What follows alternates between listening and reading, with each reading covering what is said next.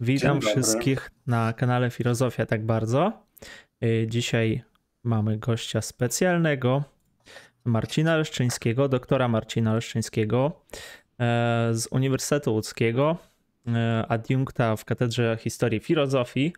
E, napisałeś pracę o George'u Congilemie mhm. i mieliśmy wcześniej z tobą streama o zerwaniu epistemologicznym i teraz, no, może w, pewnym sensie można to nazwać kontynuacją e, mhm. naszych poprzednich rozważań, e, choć temat jest nieco inny.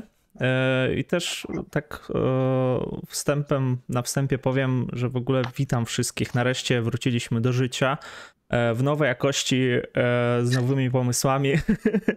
Będziemy, zrobimy taki bardziej pogadankowy stream z Michałem Ydasiakiem tą środę. E, będzie to wielki powrót filozofia tak bardzo. No i rozpoczynamy kolejny sezon, jeżeli można to tak nazwać, e, streamów e, w tym no. semestrze akademickim, roku akademickim, przepraszam. No, zwiększenie Cześć. jakości będzie na pewno po stronie Filipa. ja, ja miałem wielki plan, że będzie tutaj, prawda, obraz żyleta i dźwięk studyjny, ale oczywiście wszystko się pokrzeniło przed e, spotkaniem, więc jak z góry przepraszam. E, jak będzie mnie gorzej słychać, to już trudno. Jest bardzo dobrze, moim zdaniem. Nie wiem, jak tam w ogóle napiszcie, jak słychać, jak widać nas, e, czy wszystko no gra. Tak. No dobra, dziękuję Ci bardzo za, za to zaproszenie. Nawet nie wiedziałem, że to jest pierwszy stream po przerwie wakacyjnej. To. Niespodzianka. Tak, niespodzianka, tak. Powinniśmy, powinniśmy pogadać o opaliniznie najpierw. To byłoby. To jest taki, prawda, temat powakacyjny podstawowy. No ale tak, tak. to jest pierwszy stream, to powiedz, jak spędziłeś wakacje. Aha. Coś tam. tak, tak, zaczynamy. Było? Dobrze, to y, ja byłem nad morzem, e, byłem w pracy, e, cały sezon pracowałem, później przejechałem, wróciłem do Katowic i teraz y, no, jestem na doktoracie, jak niektórzy wiedzą, niektórzy nie. Mm, mhm. I muszę wrócić do swoich obowiązków, że tak powiem. E, jeszcze uczę filozofii w liceum. E, dalej zostałem w liceum w tym roku, więc dalej będę kontynuował zajęcia e, z licealistami. A tak generalnie no schudłem. Mm, tyle, tyle mogę powiedzieć i tym, tym mogę się pochwalić. Czytałem mhm. e, różne rzeczy o postmodernizmie. Za to. E, to nie jest temat mojej pracy doktorskiej. Wszystko schudłem. Wszystko się zgadza. To jest od tego, że to jest postmodernizm. tak. No. Um, ja też byłem nad morzem, ale um, zrobiłem sobie wreszcie urlop bo nie byłem na urlopie tak długo, że już nie pamiętałem, kiedy byłem na wakacjach, więc myślę, że to był ten moment.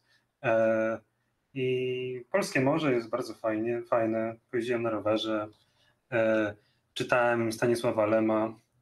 E, tyle. Więc Przygotowywałeś się do roku Lema, jak prawdziwy Polak. Dowiedziałem się o tym później. Aha, a myślałem, że specjalnie, że to jest jakoś powiązane. Nie, ja, ja po prostu jakoś tak um, jak już nie wiem, co przeczytać, to często sięgam po jakąś fantastykę naukową, a nie chciałem iść w, w ciemno, więc wziąłem Lema, bo go lubię.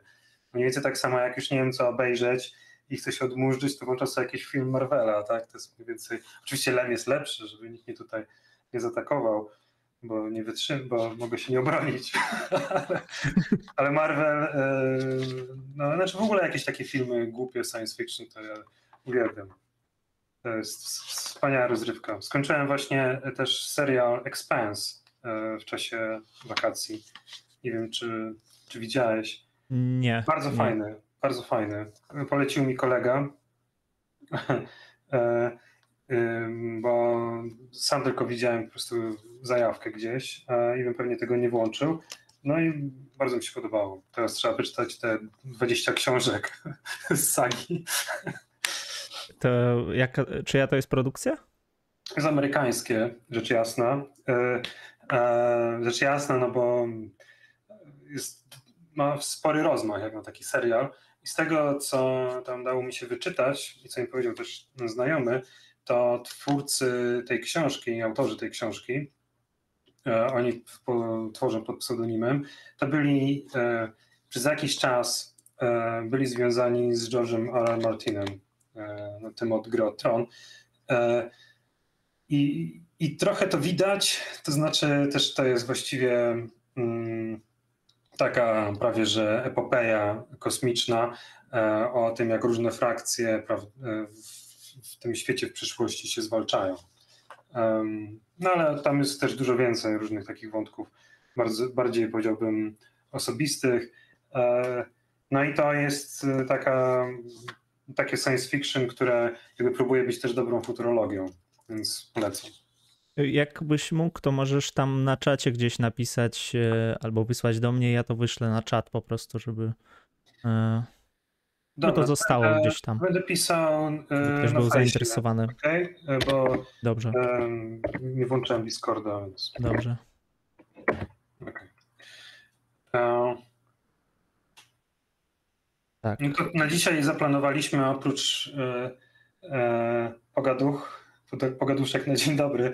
Miałem taki pomysł, żeby e, jak, jak Filipie napisałeś, żeby właśnie sobie trochę poczytać coś, bo nie chciałem robić wykładu jakiegoś, e, no może przesadzam, że wykładu, ale takiej formuły, że ja więcej mówię, jest tak, tak monolog. Tak, tak. No. Ja myślę, że po wakacjach to na rozgrzewkę. Tak, powoli. powoli. Zaczynamy od Kartezjusza.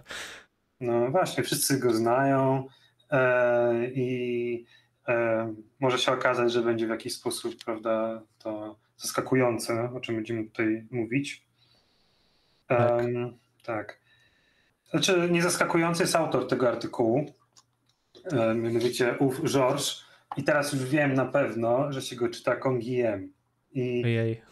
Ale nie, Dobrze. ale spoko, Kongiem. bo dużo, dużo ludzi mówi Kongilem i nawet takich i Francuzów czytam, ludzi mówiących po francusku. E, słyszałem też, ktoś mówił na konferencji w Polsce, bo widać Kongiem staje się bardziej popularny, Kongiliem. Mm, to nie, Kongiliem nie, chociaż brzmi to poprawnie. E, jest to Kongiliem i e, na konferencji kilka tydzień temu wyjechał. E, w Łodzi był taki bardzo ciekawy facet, przyjechał z swoją dziewczyną z Tuluzy i go gościłem przez tydzień. Nazywa się Charles Wolf i spytałem go od razu, jak się wymawia to nazwisko i mi powiedział, że e, kto ma wiedzieć, ten wie, że Kongiem, tak? Znaczy, on, on był jakby e, um, nie jest bezpośrednim uczniem Kongiema, ale e, no, zna bardzo wielu jego najbliższych współpracowników, więc e, powiedział, że nie ma wątpliwości, że Kongiem no to ja będę teraz promował po prostu ten sposób czytania. Dobrze, dopiero się przyzwyczaiłem do Kongilema, ale teraz muszę zmienić swoje poglądy. E, nie, nie, właśnie to nie o to chodzi, że trzeba, ale y, rzecz w tym, że była jakaś taka kontrowersja i widziałem, że tam ludzie, prawda, ja mówię, ja mówię konsekwentnie kongiem, a oni mówią konsekwentnie kongilem. I po prostu myślałem, że zaraz. Ale to na, u was na, na, na wydziale, czy gdzie to było? Na jakiejś konferencji? Na rozmowach w internecie mhm. też były jakieś takie streamy. Um, mój, mój kolega z um, łódzkiego PTF-u zrobił taki stream na Facebooku z panią profesor Pobojewską. Bardzo dużo ludzi, z dużą ilością ludzi rozmawiałem o tej książce. Um, co jest chyba trochę lepszym rozwiązaniem, bo może będą, nie będą czuli potrzeby, żeby ją czytać. E, o jakiej mówiłem... książce, przepraszam? Mówisz o swoim doktoracie? Tak, o doktoracie, tak. Aha, aha. właśnie chciałem cię pogratulować, bo widziałem, że ona się pojawiła nareszcie. E, można, można kupić chyba już, tak? Bo tak nie sprawdzałem, patrzyłem tylko tak, na te tak. książki. Można ją kupić. E, mhm. Ja, jak ktoś będzie chciał, to ja bardzo chętnie ją udostępnię. Mhm. E, ale ze względu na no, umowę z wydawnictwem, no, prawda, ograniczam możliwość mojego jakby rozsyłania tego dalej. No nie mam Creative Commons niestety na tą książkę. Ale, no, ale widzę, że w mhm. Empiku można kupić e, co prawda cyfrową wersję. Nie wiem, czy jest mhm. papierowa. Jest papierowa. Mhm. Albo się wyprzedała, albo był tak mały nakład, więc no, znaczy... myślę, że był mały nakład. E, I niedostępna. Szybko poszło. To bardzo niepokojące. Może oni po prostu nie kupowali jej. Czekaj, nie, nie, nie wiem jak to działa.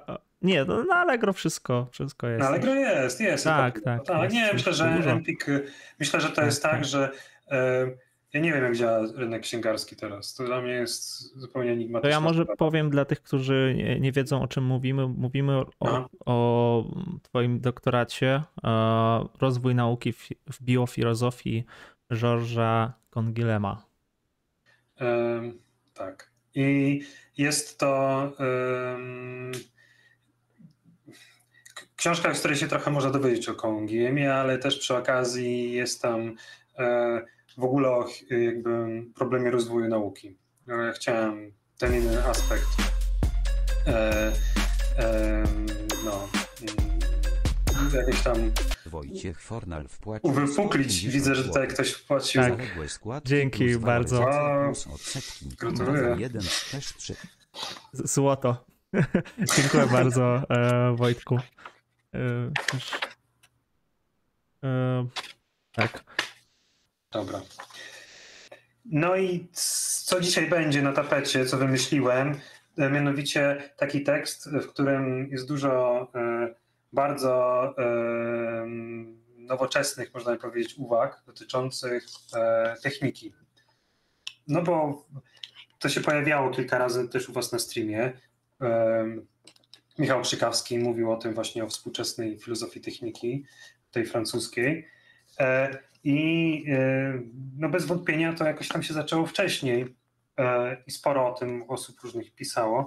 Mnie się wydaje, że e, po prostu ten tekst, który tam przesłałem, jest taki w ogóle, no jest trochę szkolny, można by powiedzieć, ale jest bardzo taki, no jest to interpretacja.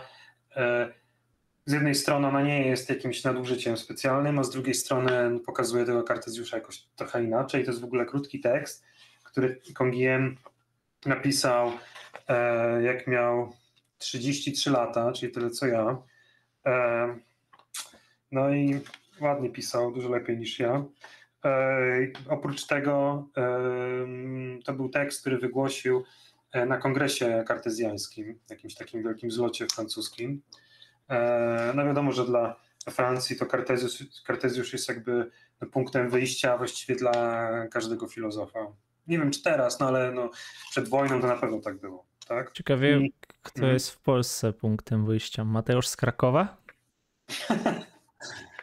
Przepraszam. Nie no, e, Witelon i demonologia. Aha, dobrze. E, znaczy, mamy innego pytanie. wielkiego Polaka, także e, może ktoś inny. Ja bym powiedział, że jakiś Twardowski. Aha. On, on, nas, on napisał takich dużo podręczników, nawet o kartezjanizmie. On się uważał za kartezjanistę. E, więc e, tylko, że to jest taki. To nie jest coś takiego, że ktokolwiek się do niego odwołuje, więc sytuacja jest trochę inna. No nie, ale on jest takim, myślę, e, jednym z ojców założycieli, można powiedzieć. Ta historia jest bardzo, bardzo ciekawa, ale mocno zapomniana, mam wrażenie. Zaczyna się ze szkołą lwowską warszawską, już tą taką, prawda, e, mm, no, można by tak powiedzieć, e, już gdzie pełne żagle, prawda, były rozwinięte i wtedy już były inne nazwiska i inne problemy. Hmm.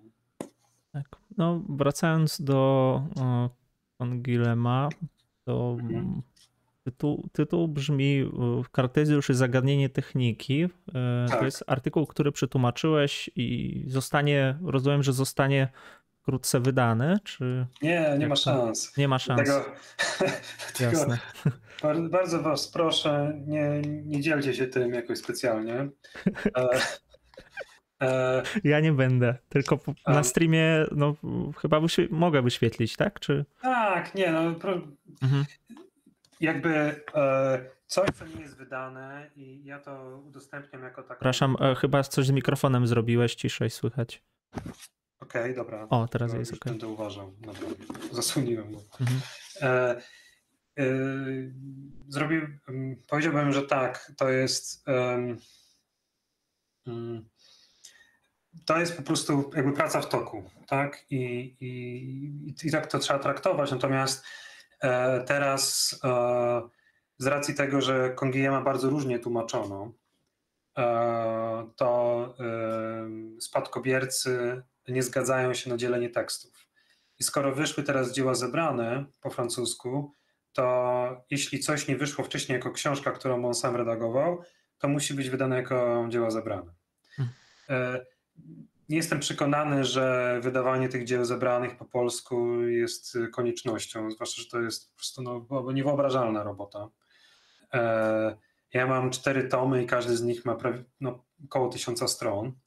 Em, wy- I tylko, że w tych tomach też są książki, które on redagował, więc prędzej jakąś książkę bym przetłumaczył i postaram się to zrobić. Na razie wszystko jest na dobrej drodze. Natomiast sam artykuł no, jest właśnie w jednym z tomów z dzieł zebranych.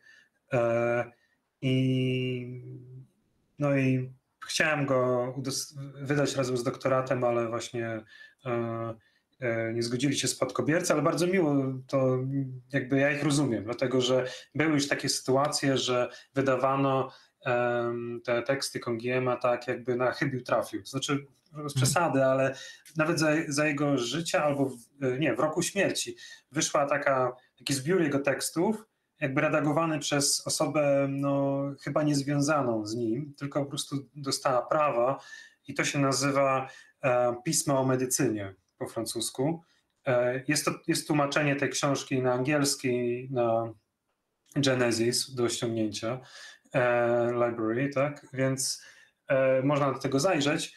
I tam jest sporo tekstów, które są właśnie w tych dziełach zebranych, tak patrzę do tyłu, bo one stoją na, na, tym, e, na półce i e, nie wiem właśnie dlaczego na nie patrzę, może boję się, że mnie zaraz któraś z nich zaatakuje z tych tomów. No ale e, krótko mówiąc, to jest em, zupełnie tłumaczenie ekskluzywne, tak, nie do powielania. Em, i pewnie też w wielu miejscach tak jest do poprawki, krótko mówiąc. Jasne. Mm, Tekst jest, no, tak jak sam tytuł wskazuje, o Kartezjuszu i zagadnieniu techniki. A, Zagadnienie techniki i Kartezjusz w ogóle, co to jest za zestawienie? Jedyne co, znaczy tekst Aha. przeczytałem, ale tak wcześniej, gdyby mi ktoś powiedział o jakichś zagadnieniach techniki u Kartezjusza, to pomyślałbym, być może Kartezjusz coś pisał o tych automatonach, jakiś osobny artykuł o tych Mhm. maszynach i gdzieś tam faktycznie mm, mogłoby coś się znaleźć o technice, aczkolwiek no, z tego co rozumiem mm, nie pisał aż tak bardzo i sam Kongilem wzorował się na jego listach. Y, No nie tylko, nie tylko. No, na różnych tak, kawałkach. Jestem zdziwiony, że w tym tekście, o którym, tym, tym artykule, o który będziemy czytać, tylko tak od razu powiem e, na wstępie, że nie pojawia się za dużo o dioptryce, która jest przetłumaczona na język polski. Ja nawet mam to gdzieś na półce, już nie będę biegł po to. E, mm, wyszły dwa, dwie książki, e, takie z te Kartezju, Kartezjusza, książki, które są, można powiedzieć, bardziej techniczne, czyli geometria i dioptryka. I one wyszły kilka lat temu, w bardzo dobrym tłumaczeniu, E, więc polecam jedno i drugie. Tam są świetne wstępy, takie też tłumaczące matematykę, z jakiej korzystał Kartezjusz. E, No ale książka, ta dioptryka, e, to jest o soczewkach, tak? Mhm. Mm, I o tym, jakby o fizyce, o optyce, która stoi, czyli tej dioptryce, tak? Czyli jakiś opis tego, jak działają soczewki. I e, e, ciekawe jest to, ciekawe, ciekawe jest to, że e, ta książka Kartezjusza, dioptryka, była właściwie mm, jakby mm, wymyślona przez Kartezjusza jako podręcznik do robienia soczewek. I on miał nadzieję, że uda mu się na niej zarobić.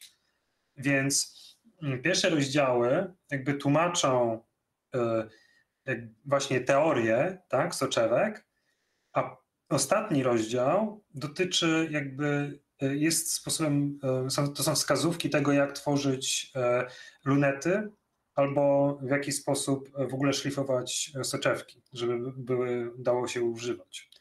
Problem polega na tym, że wedle tej teorii Kartezjusza, e, on, on jakby w tej teorii, którą on tam przedstawia, mm, zwłaszcza w tej praktycznej części, on korzysta e, z soczewek, które mają jedną płaską ściankę. Tak? Mhm. Czyli one musiały być wyszlifowane na płasko z jednej strony co jakby w tamtych czasach było technicznie właściwie nie do zrobienia. I się okazało, że ta książka jest nieprzydatna, tak? I, i Kartezjusz nie zarobił na niej tyle, ile chciał. E, ale na, jakby celem, tak? Celem tego, całej tej, tej, tej teorii fizycznej no, było stworzenie właśnie takiego podręcznika do szlifowania szkieł i, i, tworzenia, i tworzenia różnych przyrządów. Ja się zastanawiam, czy Spinoza mógł czytać w ogóle, czy przynajmniej mógł mieć jakiś kontakt z tą książką, bo jak wiemy, Spinoza mhm. tutaj no, zarabiał sobie na życie tym, że szlifował właśnie na, soczewki. Na pewno czytał, na pewno czytał, mhm. dlatego że szlifowanie to jest też taki e, to na zajęciach o tym często mówię, że się przedstawia w tak się przedstawia może nie tyle, że w książkach, co jest e, ja to słyszałem nawet na wykładach wielokrotnie, czy na jakichś spotkaniach e, seminaryjnych. Tak, to, kiedy ktoś zaczyna mówić o Spinozie, tak jakby chce od razu dać do zrozumienia, e, że to, że szlifował te soczewki, to coś mówi o jego charakterze. Że był taki, prawda, siedział jak jakiś właśnie rzemieślnik gdzieś tam po ciemku szlifował te soczewki, prawda, i był odludkiem. To jest kompletna nieprawda szlifowanie soczewek, właśnie dlatego Kartezjusz tym napisał książkę. To, była, no, to był zawód jak informatyk w naszych czasach. Tak? No, pewnie już teraz już coraz mniej, ale to był po prostu jakby nowa, nowa technika, nowa technologia. E, wszyscy chcieli mieć coś takiego w domu, tak? I robienie dobrych soczewek to było coś, za co się dostawało kupę pieniędzy, tak? Jeśli więc Spinoza, e, skoro umiał to robić, to znaczy, że po prostu no, właśnie jakby czuł pismo nosem, tak? wiedział, wiedział za co się zabrać. I zresztą z zapisek znajomych Spinozy wyłania się taki obraz, że on był niezwykle towarzyską osobą. Ciągle chodził na imprezy i jak był na imprezach, to właściwie wygłaszał jakieś monologi i wszyscy go słuchali. I był taki, no, nie miał takiego nastroju, takiego, takiego jakiegoś charakteru, e, który się próbuje mu przypisywać, z tego co mi wiadomo. Hmm. Tutaj widzę komentarze. Cześć, mhm. super, że stworzyliśmy kanał. Cześć Zofia. Cześć Zofia. Tak, Pałęza. Mm, dobrze. Myślę, że możemy przejść do takich kawałków samego tekstu. Tak. Mam tutaj przygotowany go cały czas, trzymam. O, wyświetliłem i e, no, wstęp jest e, taki powiedziałbym, bardzo ogólny. E, mhm. Natomiast jeżeli chodzi o jakieś o powiązania ze stoikami, może ten moment rozjaśnimy w ogóle relacja Kartezjusza, nie, nie wiem, między, między Kartezjuszem a stoikami, czy jaka tutaj jest relacja. Mhm. Rozumiem, że ten determinizm stoicki, on jakoś przeszedł na Kartezjusza, czy o to tutaj chodzi między innymi? No, tutaj mam wrażenie, że on raczej uważa, że um, Kartezjusz bliższy jest atomistą. Mhm. Z punktu widzenia A, jakby te, tego widzenia, jak e, czym jest kosmos. Tak? To możemy przeczytać rzeczywiście e, ten kawałek. E, natomiast tylko bym zwrócił uwagę wcześniej, e, nawet w samym abstrakcie, co jest napisane i w pierwszym zdaniu. Mianowicie, jakby cały tekst dotyczy tego, jak, jak w, w, kartezjani, w kartezjanizmie Kartezjusza, tak? to też jest ważne, u Kartezjusza, tak? Wygląda stosunek wiedzy tej naukowej, obiektywnej. My, my dodajemy naukowej, no ale wiedzy e, mm, właśnie no, jakby uniwersalny, tak? czy w pewnym sensie abstrakcyjny. abstrakcyjny. To są różne, jakby różne poziomy, tam się wydziela u Kartezjusza w zależności też od książki. E, natomiast e, mało jest o tym właśnie, o tym przedłużeniu tej wiedzy obiektywnej, którym byłaby jakaś wytwórczość. I tutaj na początku jest abstrakt, i to jest abstrakt pochodzący właśnie no, z tego, e, tego tomu pokonferencyjnego, w którym pisał, w którym jest tekst Kartezjusza. I tam jest coś takiego właśnie, czy działalność techniczna jest prostym przedłużeniem wiedzy obiektywnej, jak to zwykło się myśleć po filozofii pozytywistycznej. To, przyznaję, że to nie jest najzgrabniejsze, ale generalnie chodzi o to, że pozytywizm, e, przynajmniej tutaj tak to Kongiem interpretuje, że e, rozwój to, co nazywamy rozwojem, właściwie postępem, dotyczy rozwoju teoretycznego, czyli tego rozwoju wiedzy obiektywnej, a nie wytwórczości. I w tej, tej wizji jakby historii nauki, którą e, się promuje w pozytywizmie, to tak właśnie tam jest, że się oddzielają od siebie, e, że oddzielają się od filozofii kolejne dyscypliny, właśnie ze względu na to, że obejmują jakby coraz e, bardziej, dokładniej całą rzeczywistość i każdy z tych kolejnych, każda z tych kolejnych dyscyplin wytwarza wiedzę. Tak, jest, tworzy tą wiedzę, ale obiektywną. Ona jakby, to nie jest zależne od tego, że jest jakiś rozwój technologiczny. Tam, o tym jest niedużo, można by rzec, chociaż no, pewnie jakiś znawca konta by się tutaj pokłócił. Z Czy taką wiedzą obiektywną będzie na przykład geometria? Tak, tak. też. Mhm. tak. I wiedza techniczna jest przedłużeniem po prostu tej wiedzy, tak jak. Tak, czyli mhm. my byśmy powiedzieli zastosowaniem. Tak, Aha, po prostu. Tak, tak. Że, ta, tak. że jakby Teoria ta, i praktyka. Czy... Tak, tak, że ta strzałka idzie w jedną stronę. Tak? Jest teoria, mamy przepis i go stosujemy. Mhm. Tak? Okay.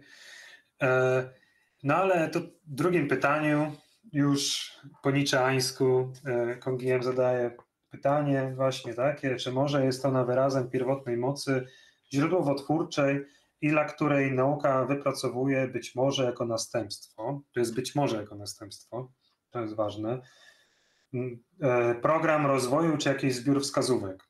E, I e, tutaj w tym abstrakcie, wiem, jakby tak ostro sprawia, stawia sprawę, jakby że nie, nie ostro, ale tak dziwacznie, biorąc pod uwagę, co mówi później, że wydaje się, że filozofia kartezjańska podjęła ten problem wprost i rozważała stosunek teorii i praktyki w sposób bardziej rozległy i zniuansowany niż powszechnie sądzono. Jest zasadnym sądzić, że refleksja nad znaczeniem techniki jest centralna w systemie kartezjańskim. To już jest grubo powiedziane, że jest centralna. Ja nie wiem, czy jest centralna, ale tutaj ja bym e, jeszcze powiedział jedną rzecz i zaraz przestanę mówić. I ty zaczniesz mówić, żebym stracę głos. Tam jestem nieprzyzwyczajony do, do gadania. Żartuję oczywiście, ale. Po wakacjach się, ja też się odzwyczaiłem od mówienia, szczególnie no, na streamach. Ale... Tak. E, ja bym tylko jedną takie, taką uwagę terminologiczną e, poczynił, mianowicie e, pojęcie techniki i technologii. Mm, o, o, o tym powiem dwa zdania. E, tutaj wszędzie używam słowa technika i nie pojawia się nigdzie słowo technologia. Mhm. E, a to dlatego, że e, słowo technologia, jeśli wierzyć tam historii różnym badaczom, to jest słowo, które pojawiło się właśnie jakby po raz pierwszy wśród uczniów Comta czyli we Francji e, w połowie XVIII wieku. I oni jakby to propagowali, to słowo. E, I to mniej więcej z, z historią słowa technologia e, jest, tak, ta historia jest taka sama jak na przykład ze słowem ideologia. Mhm. Mianowicie technologia była najpierw pomyślana jako nauka o technice, czyli taka nauka o tym, E, jak technika się rozwija, czym jest, e, ale to nie była mechanika, tak? Mhm. czyli nauka o, e, inżynieryjna, tak? czy tam jakaś inżynieria, tak? um, która jest pewnym rodzajem wiedzy, która może nam pomóc w tworzeniu nowych, lepszych obiektów technicznych. E, technika to jest jakby takie określenie właśnie na jakby jednocześnie na wytwórczość techniczną tak, i pewne sposoby, czyli jednocześnie na techniką są przedmioty i pewne zasady tworzenia ich. Natomiast Czyli technologia... to greckie techne, mhm. które się często powtarza na zajęciach z estetyki, podaje mhm. przykład techne właśnie jako nie jako techne, techniki w jakiejś w sensie współczesnym rozumieniu, jako techne wytwórczość, jakieś mm, malarstwo na przykład, że to jest rzemiosło też w pewnym sensie. Techne. Tak. Um, rzecz jasna, no, w języku francuskim to się bardziej przesunęło w kierunku właśnie takich, takich e, no, e, hmm, nieartystycznych obiektów, czyli takich, które mają jakąś funkcję. Tak? Taką funkcję, jakby, która to nie musi być ta sama, która była wymyślona przez twórcę, no nie, ale to jest ta funkcja, że tam jest jakaś funkcja. E, po prostu, że one mają coś zmieniać w środowisku, w którym się poruszamy. Czyli no tak jak narzędzia, po prostu mają pomagać robić coś w świecie. Mm. A sztuka, no to wiadomo, że tam pewnie ma inne. Nie zawsze musi mieć jakąś. Mm, dla jej definicji powiedzmy nie jest konieczne to, żeby coś robiła w świecie ciekawego. E... Tak, szczególnie to dwudziestowieczne powiedzmy postrzeganie estetyki. Tak. E, ale to wcześniejsze przynajmniej mm, gdzieś tam próbowano szukać e, sztukę, sztukę próbowano uzasadnić, czy wymyślić jakieś miejsce, po, jakąś powinność narzucić poniekąd, albo żeby ona była spójna z jakimiś ideami, tak? Z jakimiś tak. abstrakcjami. Dobrze.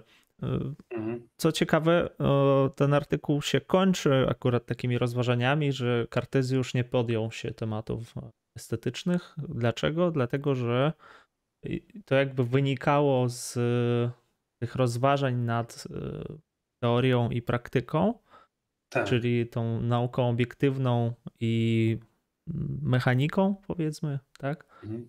E, natomiast dlaczego on się tego nie podjął? To jest pytanie, w sensie ja nie zrozumiem do końca tą odpowiedź. Mhm. No ta odpowiedź tak w skrócie myślę, że jest mniej więcej, brzmi tak, że on y, mógłby wtedy przyznać, Kartezjusz wedle Kongiema, że, e, że czegoś w jego systemie brakuje.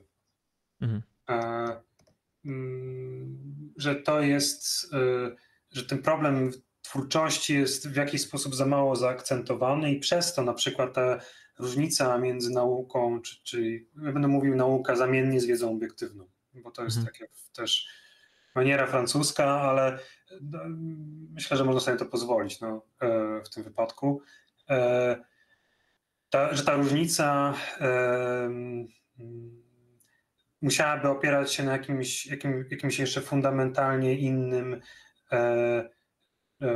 czy tam jakoś istotowo innym rodzajem bycia w świecie, tak? czyli znaczy uczestniczenia, znaczy robienia czegoś w świecie. Tak? U Kartezjusza e, jakby są tylko dwa źródła tak? E, tego, że coś się w świecie może zmieniać.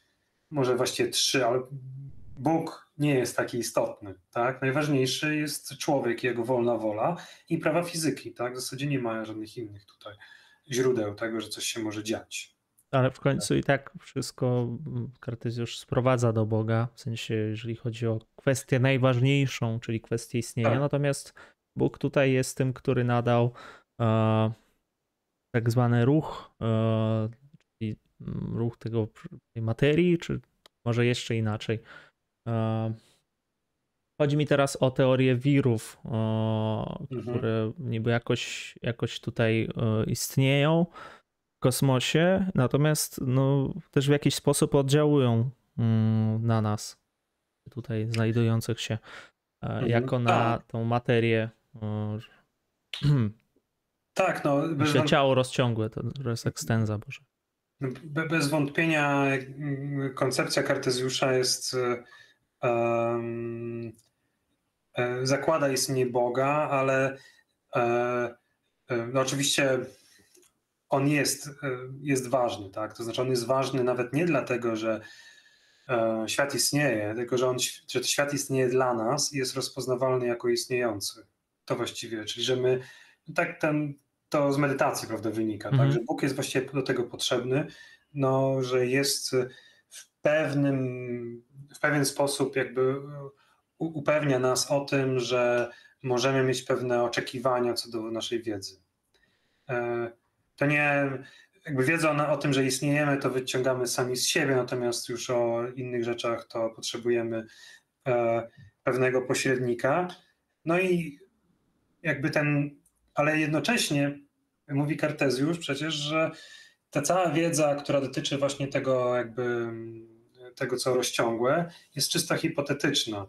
To we francuskich wydaniach tych późniejszych Kartezjusza, no to jest ten, jest portret Kartezjusza, który trzyma książkę i na książce, e, znaczy na tych stronach który, książki, którą trzyma jest napisane mundus est fabula, fabula est, czyli świat jest bajką, tak? Mhm.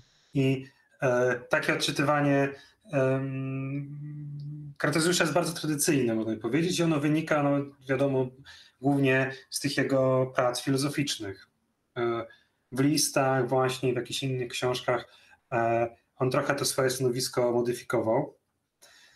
I co ciekawe, e, ta książka, która miała być opus magnum filozoficznym Kartezjusza, czyli zasady filozofii, no to one wyszły później po francusku, w mocno zmienionej wersji. I tutaj zresztą w tym tekście jest cytat z wersji francuskiej, którą Kartezjusz jakby zaaprobował i do, do tłumaczenia zmienił w dużym stopniu. Do tego to przejdziemy myślę, że na koniec, bo mhm. To jest taki, takie podsumowanie. Ja będę czytał po prostu, myślę, i, i, będziemy mogli tak komentować tak, jak to leci. To, ten tekst jest w miarę, w miarę czytelna jest strukturą tego tekstu, więc myślę, że tak. nie będzie to specjalnie trudne. Um, tu na samym początku e, Kongiem e, mówi właśnie tak jak, mówi, tak jak wspominałeś Filipie, tak bardzo ogólnie o tym, że e, jakby on chce stworzyć taką wiedzę obiektywną, która będzie jakoś tam użyteczna, ale jednocześnie nie można powiedzieć, nie można powiedzieć o Kartezjuszu, że on był pragmatystą, tak? Bo jakby użyteczność dla niego była czymś um, nie wiem, wtórnym, jakby um, z punktu widzenia jakby naszych potrzeb jest pierwszorzędna, ale z punktu widzenia metody, no to użyteczność jest drugorzędna, tak? Y, natomiast tutaj y, i um, ale Congier mówi coś takiego, że i nawet jeśli nie znajdzie się w jego dziele traktatu poświęconego problemowi techniki, nie broni to nam twierdzić, że refleksja filozoficzna nad naturą i wartością działalności technicznej nie jest u Kartezjusza przypadkowa ani drugorzędna. Więc on jakby no cały czas to podkreśla, że według niego to wcale nie jest jakby drugorzędna sprawa. Tak? Um, i, um, I to właśnie mówi o tym, że atomiści tak, e, właściwie wśród starożytnych byli jedynymi, którzy nie traktowali budowania maszyn i pracy jako czegoś godnego pogardy. Właśnie skąd takie mhm. traktowanie wynikało? Mm, wiem, dlaczego na przykład duszę e, i ciało traktowali inaczej. Czy na tej samej zasadzie, że dusza jest czymś bardziej doskonałym, że to poznanie jest czymś bardziej E, czymś lepszym, co prowadzi nas do jakiegoś pojęcia prawdy, wiedzy i tak dalej. Natomiast ciało jest e, źródłem skłonności, różnych popędów i tak dalej. I w tym sensie też materia raz z ciałem? To z tego wynika, czy jak? Trudno odpowiedzieć na to pytanie, bo nie, ja nie zajmuję się filozofią starożytną, a jakby wiadomo, że w tej mierze poczyniono bardzo dużo różnych odkryć. Natomiast mhm. no, czytałem książki o rozwoju nauki e, w starożytności i rzecz jasna, e, no tutaj Platon aż sam się prosi, żeby go tutaj, właśnie tak jak ty mówię, tak jak właśnie przed chwilą to zrobiłeś, zacytować. I e, mm, Na- Natomiast nie wiem, czy to jest tylko wpływ Platona, czy to w ogóle nie jest jakby mm, tak e, coś kulturowego, znaczy coś takiego, co po prostu Grecy mieli w sobie.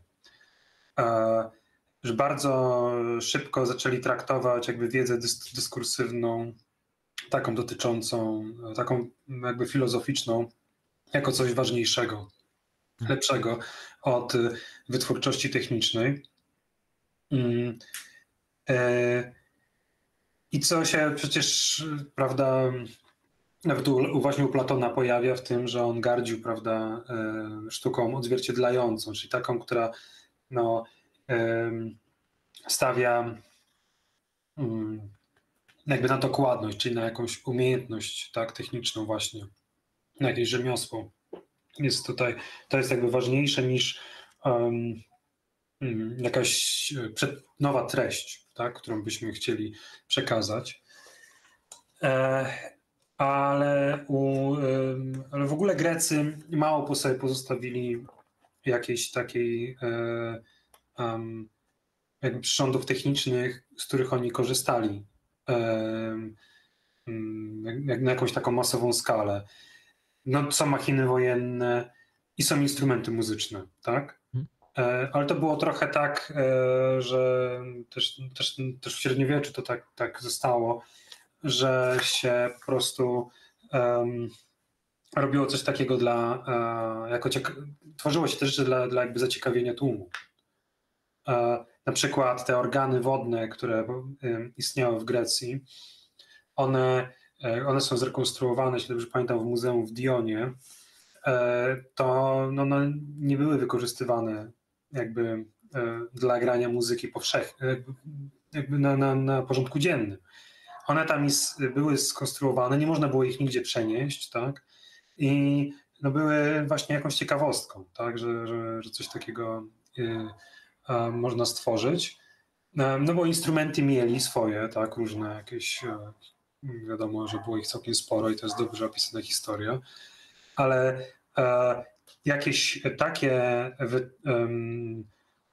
rzeczy, obiekty, które wymagałyby właśnie uprzedniej wiedzy, obie, jakiejś takiej naukowej, tak? Czyli na przykład e, tak w wypadku tych organów, jakieś tam jakiejś choć- choćby szczątkowej wiedzy o zasadach e, e, fizyki płynów, tak?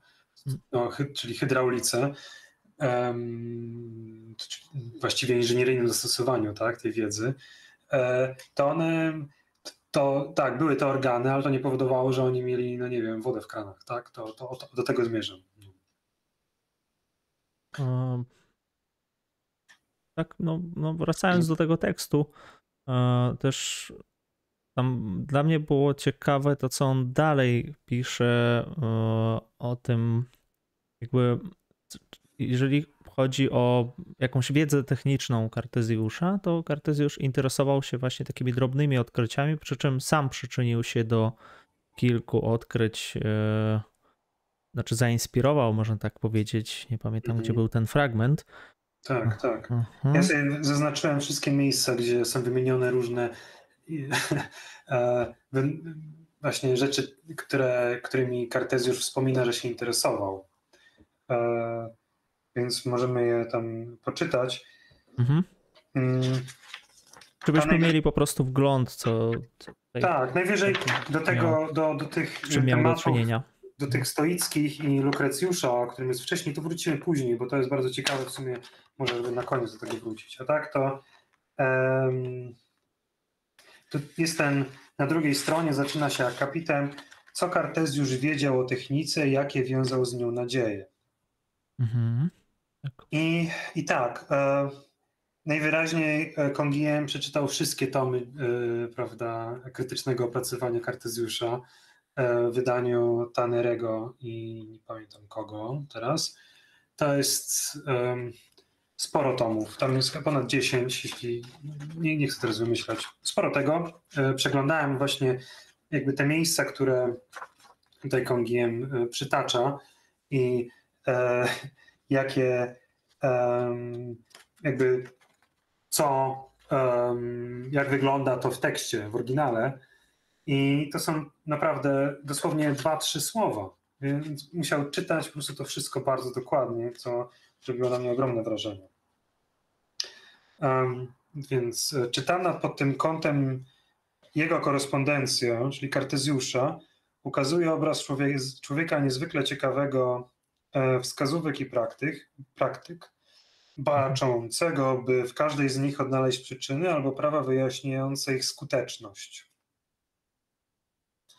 Bez wątpienia najbardziej rozpoznawalnymi tematami dla jego rozważań były szlif szkieł do instrumentów optycznych, to to, co o czym mówiłem, tak? czyli to, co w dioptryce można znaleźć, budowanie maszyn i sztuka medyczna.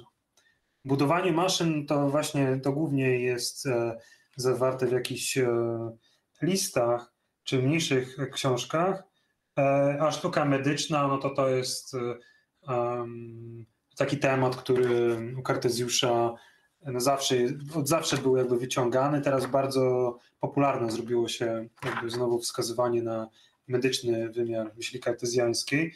Tutaj e, mogę odesłać do mojego kolegi z pracy, e, profesora Steglińskiego, Tomka Steglińskiego. On też wydał w zeszłym roku książkę e, w tej samej serii co ja i ona dotyczy właśnie medycyny kartezjańskiej.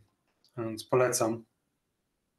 A jeżeli chodzi o budowanie maszyn, to o jakie maszyny tutaj chodzi? W sensie jakieś maszyny wojenne, katapultę tam? Jakieś... Tutaj będzie w tym tekście e, jakie mhm. maszyny. Jeszcze, A, o to, dobra, chodzi. dobra. W sensie e, co on nazywa maszynami, bo teraz mhm. to jest taki bardzo ogólny Jego termin. interesowały e, w ogóle tak różne maszyny. No stąd też, stąd też te jego jakby mówienie o automatach, tak? Aha, kominy na przykład to są maszyny, czy nie? Albo jakieś... raz. Kominy? Dymiące kominy, no tutaj to co wymienia, problemy techniczne. Tak, tak, tak. Zbiorniki mhm. wodne, to wszystko, to wszystko można zaliczyć do maszyn, tak? Tak. Okay. mm, znaczy może za dużo powiedziane, ale na pewno y, to było y, y, on wymienia tutaj Kongiem, tak, takie rzeczy, którymi się Kartezjusz interesował i Kartezjusz można by przypuszczać, że dla niektórych z nich mógł opracować jakieś rozwiązania, e, e, które byśmy nazwali maszynami. Mhm. E, I e, no tutaj e, mm, chwilę dalej on pisze coś takiego, mm, że jednocześnie e, zajęcia rolnika i żołnierza bo Kartezjusz był i, i rolnikiem, i żołnierzem, tak? jak i pragmatyczna wiedza podróżnika, no bo bardzo wiele podróżował, dawały mu różnorodne podstawy do porównań, czy też okazji do zweryfikowania swoich teoretycznych wyjaśnień. E, wzrost roślin w zależności od tego, w jakiej glebie zostały posadzone. To, to, to, co tutaj on wymienia, to są jakby rzeczy, które można, można znaleźć u Kartezjusza w jakichś właśnie zapiskach, tak? że on się tym interesował. To nie jest oczywiście problem maszyn, ale to jest problem jakiś techniczny. Dojrzewanie owoców na drzewach, wytwarzanie masła polegające na oddzieleniu od siebie ciała o różnej gęstości, sposób w jaki dzieci pomagają sobie nogami przy wspinaniu się na konie, bicie w dzwony, by rozgonić burzowe chmury. I o tym przeczytałem, to był właśnie sposób, który w Amsterdamie stosowano. Jak się zbliżał sztorm, to bito w dzwony, liczono, że w ten sposób przegoni się burzę. No, dobrze, można by dzisiaj też spróbować. E, na pewno ludzie, ludzie przynajmniej widzieli, że coś się zbliża. E, dla niektórych to było takie właśnie alarm, przypominanie. Tak, no mogło, to też swoją drogą tak mogłoby być, że to bicie w dzwony nie chodziło tylko o to, żeby rozgmonić chmury burzowe. Może ktoś mu tak powiedział i Kartezjusz uwierzył ale to hmm. mogło być przypomnienie o tym, że się zbliża, e, zbliża burza. Hmm. Swoją drogą, tak e, małą dygresję zrobię. Dowiedziałem się niedawno, bo e, mój e, teraz pracuję nad książką o Tomasie Willisie. To jest żyjący trochę później od Kartezjusza, taki brytyjski lekarz, e, który jak, może nie jako pierwszy, ale bardzo interesował się mózgiem. I on wprowadził do języka angielskiego e, takie pojęcia jak neurologia i psychologia i napisał, no właściwie jakby stworzył taką pierwszą książkę e, anatomiczną, gdzie próbuje opisywać bardzo dokładnie ludzki mózg. E, I on, to tak, dygresja jest taka, że on zmarł w Londynie 11 listopada, święto świętego Marcina i ufundowa- pochowany jest chyba w Oksfordzie, z tego co pamiętam, natomiast ufundowano w Londynie taką mały kościół, gdzieś w jakiejś części Londynu i jego potomkowie, tego Willisa, opłacali przez wiele, wiele lat artylerzystów, tak. Mhm. To masz list tutaj, pytają na czacie, tak? Willis. A, Willis. Willis. Okay. Willis. Nie, z Lisem Willis. Nic nie będę więcej mówił. E, no więc Willis e, zmarł tego 11 listopada, najpóźniej no strzelano z armat, żeby upamiętnić jego śmierć. E, I później no, w pewnym czasie to już opłacane było po prostu z jakby z, z budżetu miasta. A bardzo ciekawe jest to, że, że po końcu I wojny, tak, który miał miejsce 11 listopada, no jakby utarło się, by mówić, że te armaty przypominają o końcu wojny. Tak? No bo to był ten sam dzień. Więc jak gdzieś się przeczyta w, w przewodniku, że w Londynie strzelają z armat na zakończenie tak, I wojny światowej, właśnie tam z, jakby spod tego kościoła, no to to jest y, błąd, tak? No bo po prostu jakby ta tradycja była, w, mm, to, to, było wchłonięte przez coś innego, coś wydarzyło tego samego dnia. Tak? A, wiem, inna przyczyna. Mhm. No. Y, dobrze. Dobra. No i dalej mogę czytać. Na przykład tutaj, że Kongiem mówi, że jako żołnierz wiedział, że jak się końcówkę bagnetu czyści olejem jak się za bardzo, y, za, za, za szybko pociera, to można wzęcić ogień. E, I mm, tutaj, no wiadomo, on mówi, co, co jeszcze widział, ale w Amsterdamie tutaj jest jakby, że podchodzi z, z według Kongiema z, tak, z taką samą metodyczną skrupulatnością i dystansem do najróżniejszych specjalistycznych problemów technicznych, właśnie tych dymiących kominów, o których ty mówiłeś, mhm. a do podnoszenia poziomu zbiorników wodnych, osuszania bagien, diagnostyki medycznej, użyciu i dozowaniu medykamentów, źródeł uznawanych za cudowne, automatów, trajektorii kul armatnych, prędkości pocisku, wytrzymałości szabli, dźwięczności dzwonów. Warto też jeszcze podkreślić, że w dziele dotyczącym muzyki, to było pierwsze dzieło, które Kartezjusz, e, e, takie większe dzieło, które napisał, tam z kolei rozważa materiały, z których należy robić bębny. E, I tam przejawia się jeszcze jego wiara w, jakby w magię sympatyczną, to znaczy, że jeśli się wali w bęben, znaczy on, tego, on to odrzuca w pewnym momencie tego tekstu, ale, ale rozważa ten problem, czy jak się wali w bęben wykonany z wilka, e, to czy owce będą uciekały, tak? E, I to były, to on jakby od samego początku miał najprawdopodobniej widać takie, takie, takie jakieś zainteresowania. Swoją drogą ten. Um, I pewnie będą uciekały, ale nie przez to, że z wilka, tak? No właśnie, tak, o to chodzi, nie? że to mhm. mogą się wystraszyć, ale nie dlatego, że to jest wilk. No tak. E, chciałem powiedzieć tylko, że ten traktat o muzyce też jest przetłumaczony na polski, a, ale teraz nie wiem, czy on był wydany, bo to zrobił e, też mój, mój kolega z Łodzi. Jan Skarbek-Kazanecki, on przetłumaczył to jako swój licencjat, ten e, traktat o muzyce Kartezjusza. Bardzo ciekawa sprawa. Um, można poszukać, czy to gdzieś jest, bo nie pamiętam. Um. E, później on mówi coś takiego, że zwróćmy przy tym uwagę, że Kartezjusz dzieli zainteresowanie artylerią, medycyną, automatami z wieloma współczesnymi badaczami we Francji i we Włoszech. I mówi, i później jest właściwie, ja nie wiem za bardzo, po co jest to zdanie. Istotne jest to, że uwaga poświęcona szczegółom technicznym, wszystkim trudnościom, jak nie byłyby małe, na które napotyka człowiek, gdy staje się panem natury, rozciąga się od krańca do krańca między jakąś fizyką i jakąś metafizyką. Muszę przyznać, że miałem problem z tym zdaniem. Nie wiem za Mhm. bardzo dokładnie o co mu tu może chodzić. To jest chyba takie trochę mm, odwołanie do tego, o czym mówił wcześniej, właśnie u stoików i u atomistów. Jakby rozważał to, że mm, e, kiedy Kartezjusz się zastanawia nad tym, tak, e, albo właściwie my powinniśmy zrozumieć, że kiedy Kartezjusz się zastanawia nad problemami technicznymi, to z jednej strony no, rozważa je z punktu widzenia mm, jakby pod kątem praw fizyki, ale z drugiej strony musi istnieć jeszcze jakby ludzka wola, która je wytworzyła, tak, z jakiegoś powodu. I, i to ja, ja to rozumiem w ten sposób. Nie wiem, czy to jest dobry pomysł.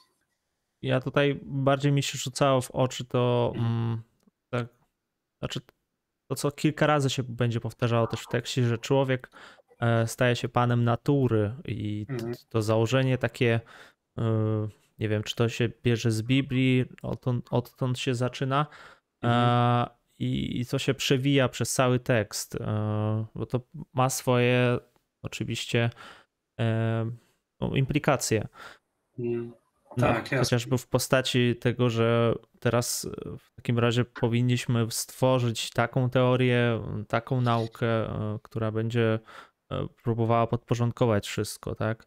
Mm, No, kartezjański właśnie mm, pomysł, chyba gdzieś to słyszałem, nie wiem, nie czytałem tego tekstu, ale słyszałem, że Foucault opisywał właśnie filozofię Kartezjusza jako machinę wojenną gdzieś. E, tak, że Tak, ta, tak. tak, tak ta filozofia miała, miałaby działać E, i w tym sensie właśnie miała podbijać jakby ten świat, zmieniać go też. E, No, no właśnie, podbijać, e, po- podbijać ten świat mogła, e, można dzięki wiedzy, tak? Mhm. E, a natomiast e, no, później powiedziałeś, że oprócz podbijania to jeszcze jest zmienianie, to już jest trochę coś innego. E, bo właśnie no, to, że my możemy zmieniać, że po pierwsze chcemy coś zmieniać, to wynika no, z naszej woli, tak? która u Kartezjusza jest no, właściwie nieograniczona przez cokolwiek, tak? Mm, To jakby mm, w sferze, jakby istotą naszego człowieczeństwa jest właśnie to, że mamy jakby e, mm, nasze res cogitans jest zupełnie nieograniczone. mhm, E, Zwłaszcza w tym wymiarze, w którym ono jest, które, która nazywa się, e, często się tłumaczy jako intelekt, biorąc pod uwagę to, jak to jest w łacinie, tak, że to będzie intellectus, czyli ta część e, em, roz, rozumienia, ten rodzaj rozumienia, który odnosi się do tego, co niecielesne. Bo Kartezjusza można wymienić dwa, jakby te, te rodzaje, tak, dwa tryby, można powiedzieć, w jakich się e, em, można sobie coś przedstawić, tak? E, czyli można posiadać czegoś reprezentację. E, można, można coś e, sobie przedstawiać jako coś rozciągłego, wtedy ma, wykorzystujemy wyobraźnię, albo możemy sobie coś przedstawiać jako po prostu sens, wtedy wykorzystujemy do tego intelekt.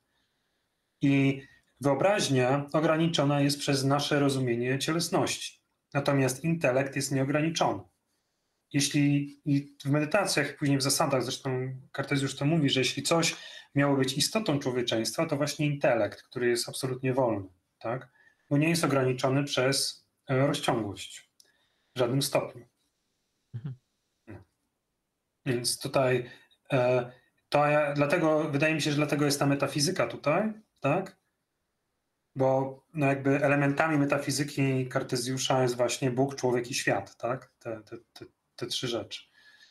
E, no i każdy, każda z tych rzeczy tak, ma pewne swoje jakieś zasady, tak, które nimi, które dążą, które rządzą tymi elementami. Wszystkie je łączy oczywiście to, że są w jakimś aspekcie nieskończone. Świat jest nieskończony, Bóg jest nieskończony, prawda, zawiera w sobie ideę nieskończoności, no a my, my posiadamy nieskończoną wolność. Intelekt posiada nieskończoną wolność. Um, no ale no to takie zdanie. No i później um, znowu są e, wypisane tym razem, jakby co Kartezjusz by chciał zrobić, czyli tutaj jest jakby wyjaśnienie, tak, um, tego, to są jakby powody, dla których robi się coś, czyli no jakby um, próbuje się w jakiś sposób zmieniać świat.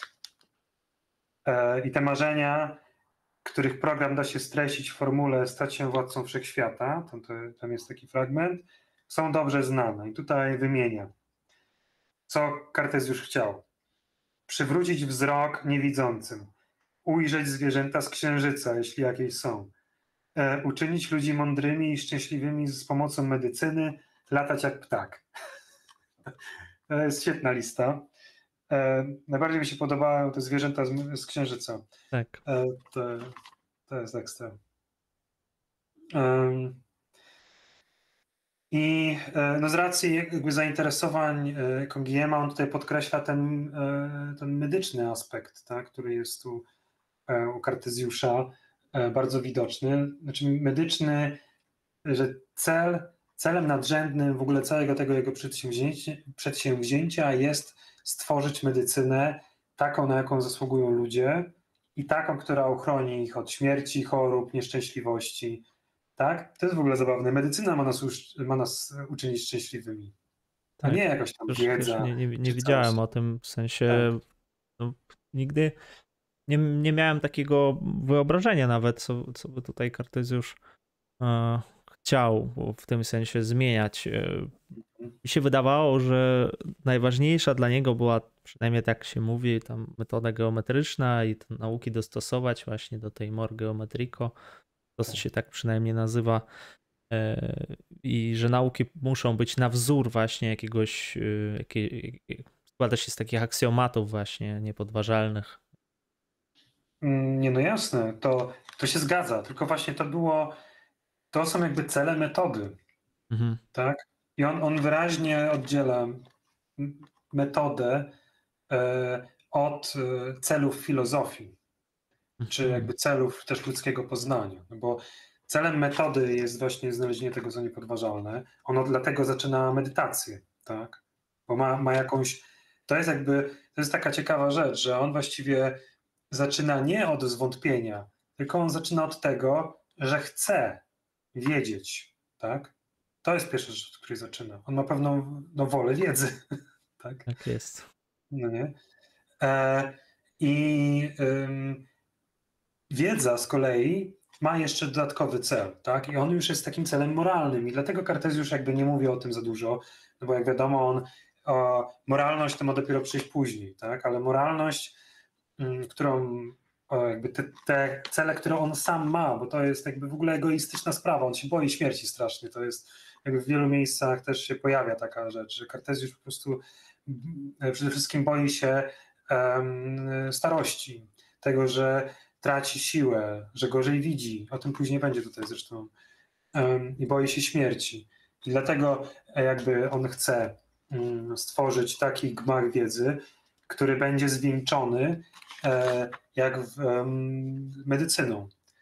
Jest taka metafora, której on gdzieś którą gdzieś wykorzystuje, drzewa, tak, że jest e, korzenie to jest metafizyka, ten trzon e, tego drzewa to jest fizyka, gałęzie to będą poszczególne jakby różne dyscypliny, natomiast listowie, to co jakby nadaje kształt, tak, tym całemu, tym, całej tej roślinie, to jest medycyna, tak, czyli tam, ta korona drzewa to jest medycyna.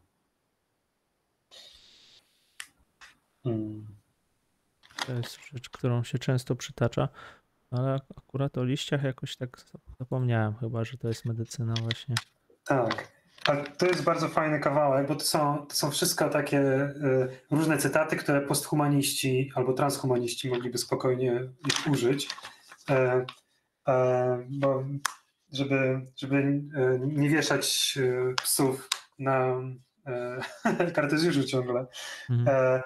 i to jest super, według mnie fragment, że wyznają księżnicy Elżbiecie, że zachowanie zdrowia zawsze było najważniejszym celem jego badań i bez wątpienia uważał, według znanego e, powiedzenia, które cytuje mu e, Huygens, że ten irytujący zwyczaj umierania któregoś dnia się skończy. A... Dzięki bardzo. Iskandor wpłacił 25 zł. Dobra czy- czy- robota. Powodzenia.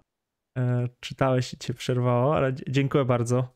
Nie, a macie ustawione jakieś e, dźwięki? Bo E, nie słyszę. Tak, u- tak, tak, A. tak. Są ustawione różne dźwięki, różne obrazki tam. Obrazek rzeczy. widziałem, ale dźwięku nie. To... E, no jest taka, nie wiem czy to jest techno, czy coś takiego jest. Michał poustawiał, ale nawet sam nie wiem co tam jeszcze jest. Pewnie ten e, Sun Project, który jest w tle tego filmiku, e, jak jest. Um, e, no, jak Wolniewicz pisze na maszynie do, do To też jest, tak, tak. Ja to chyba własnoręcznie ustawiałem. Wszystko tam, tam jest na każdy A, ten. e, okej. No. No dobra. Dobrze, E, czy- to ja mówiłem, to powtórzę, że Mhm. tylko, że e, bez wątpienia uważał Kartezjusz według znanego powiedzenia, nie wiem co to jest za powiedzenie, bo, bo nie wiem dokładnie o co chodzi, ale to jest powiedzenie, które cytuje mu e, Huygens, Mhm.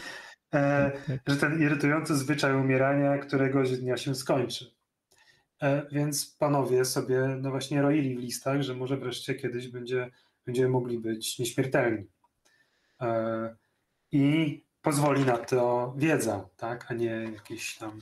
To nie, to nie było przekonanie teologiczne, tak? tylko zupełnie jakby praktyczne, rzecz do zrobienia w praktyce. To jest ciekawe, że e, filozof, o filozofii starożytnej się mówi, że to jest sztuka umierania. E, Tak. że Jak myśmy czytali z Michałem Hadota, e, tego Piera Hadota. Tak.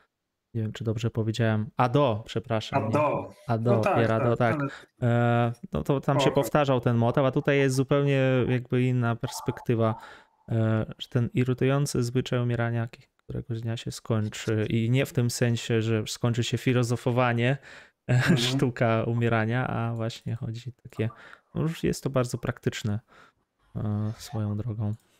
To jest, e, to jest ciekawe, bo to pokazuje, myślę, to bardziej pokazuje odmienność Kartezjusza od na przykład myśli scholastycznej, niż jakieś niektóre jego pomysły, tak, które ma. Bo on bardzo głęboko siedział w scholastyce, tak? No bez wątpienia te pomysły, z których korzystał, to sł- słownictwo, to słownictwo scholastyczne. Mm. Natomiast no na przykład mówił wprost, tak, że marzy mu się właśnie nieśmiertelność, tak? Em, mm, Co wydawałoby się, że no, jest nie do pomyślenia, tak? W takiej myśli, która, w której jakby no, e, mm, marzenie o nieśmiertelności stoi w sprzeczności z nieśmiertelnością, którą mamy uzyskać po śmierci, E, czyli no, z, jakby z przekonaniami jakimiś teologicznymi.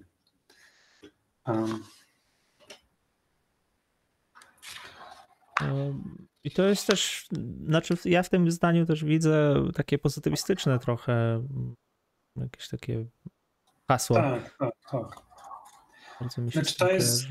To jest zresztą taka rzecz, która e, na pewno istniała później w, e, we francuskim oświeceniu, tak, na którym, które ma złą sławę w, e, w krajach postkomunistycznych, czy tam postsowieckich, należy powiedzieć raczej, no, ze względu na to, że no, oni byli, mm, właściwie całe francuskie oświecenie zostało wpisane przez Marksa w historię materializmu. Tak?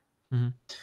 E, I teraz mało kto jakby się tym zajmuje w Polsce i traktuje się tych wszystkich e, e, Lametrich i Diderotów, e, tak e, bardzo się, no bardzo się ich postponuje i w zasadzie sprowadza do jakichś sloganów, tak? No bo wszyscy wiedzą, że Lametri napisał e, książkę pod tytułem Człowiek Maszyna, ale mało kto wie, że w tej książce teza jest zupełnie inna.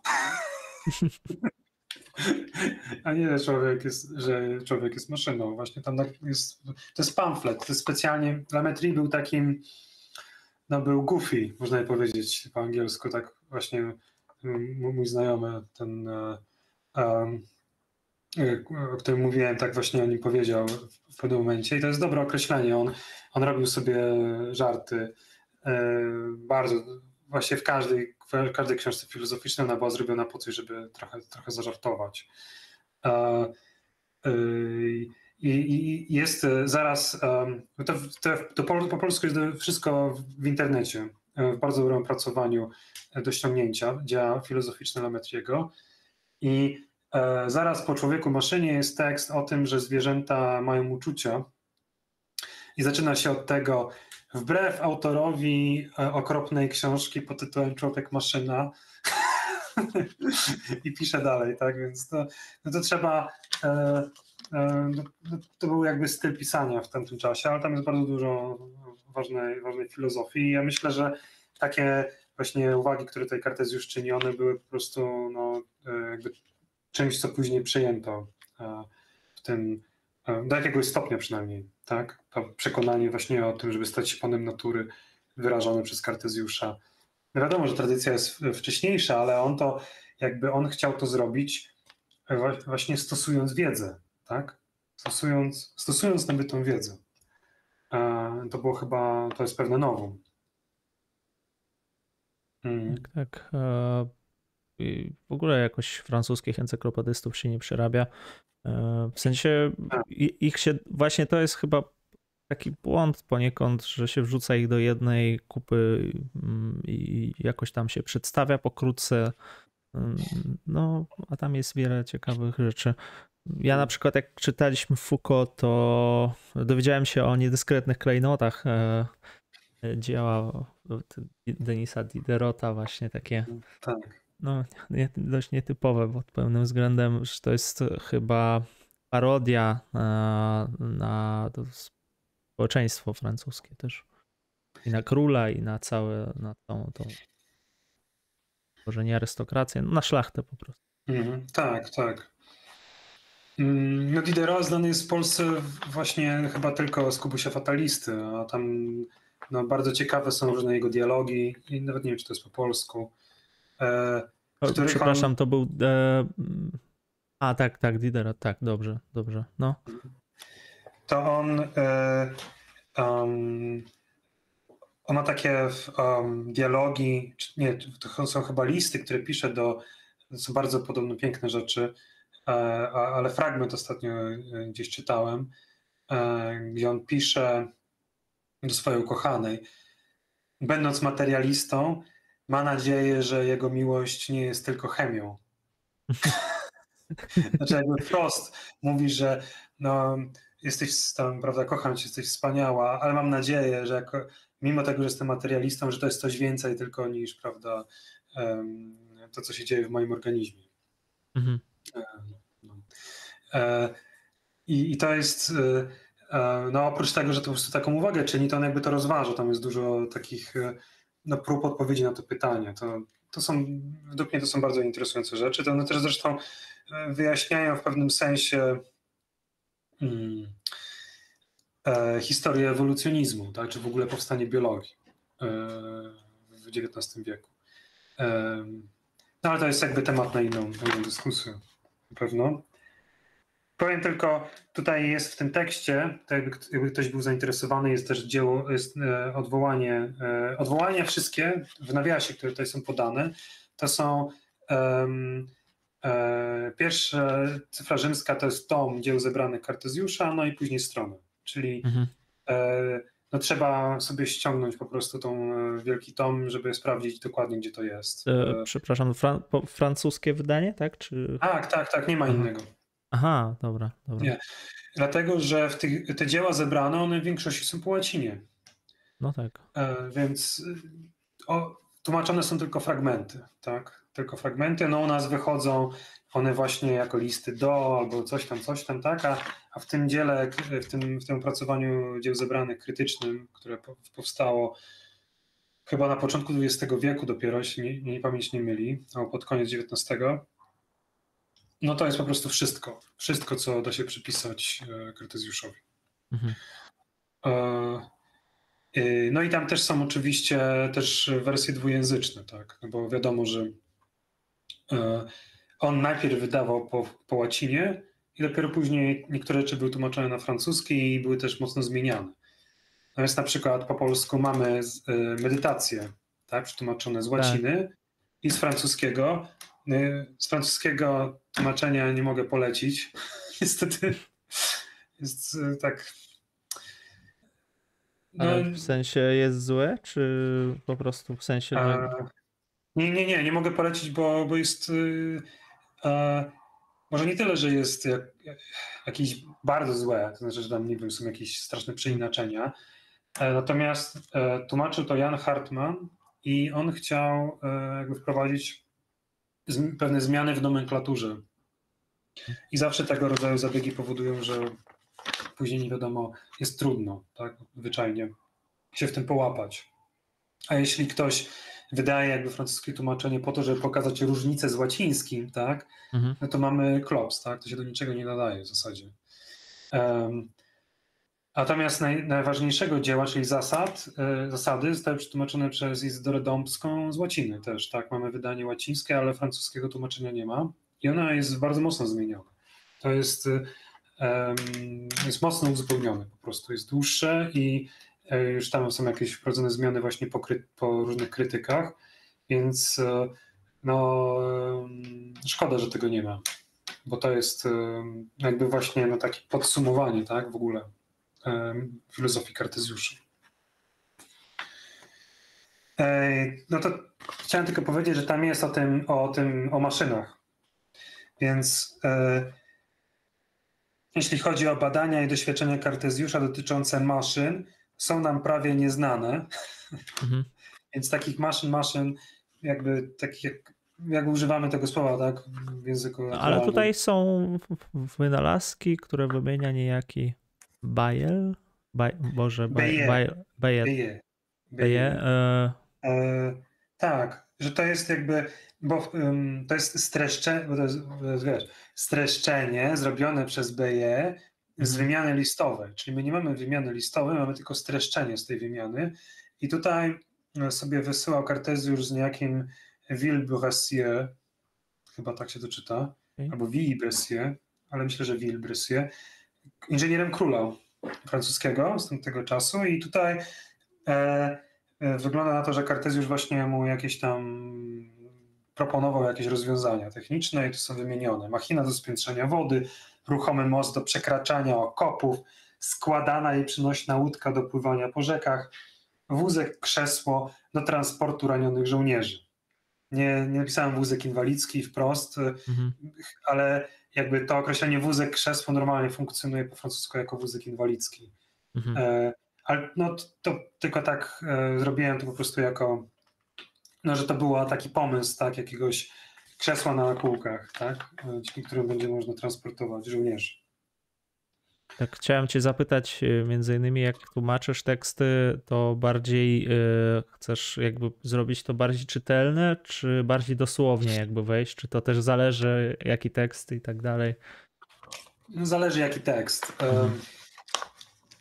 Największym problemem z tłumaczeniem z francuskiego to jest tłumaczenie jak leci, Mhm. tak zwane jak leci, No. dlatego że e, te zdania, one bardzo często mają taką strukturę, którą trzeba poprawić, żeby była po polsku lepsza. Tak.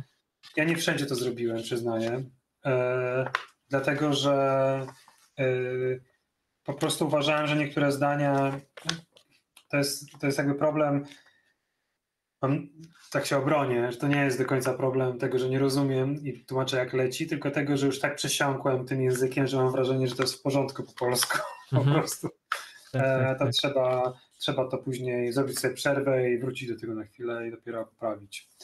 Um, a to tłumaczyłem dawno temu, dzisiaj sobie czytałem i rzeczywiście bym sporo rzeczy pozmieniał, bym pozmieniał, trochę pozmieniałem.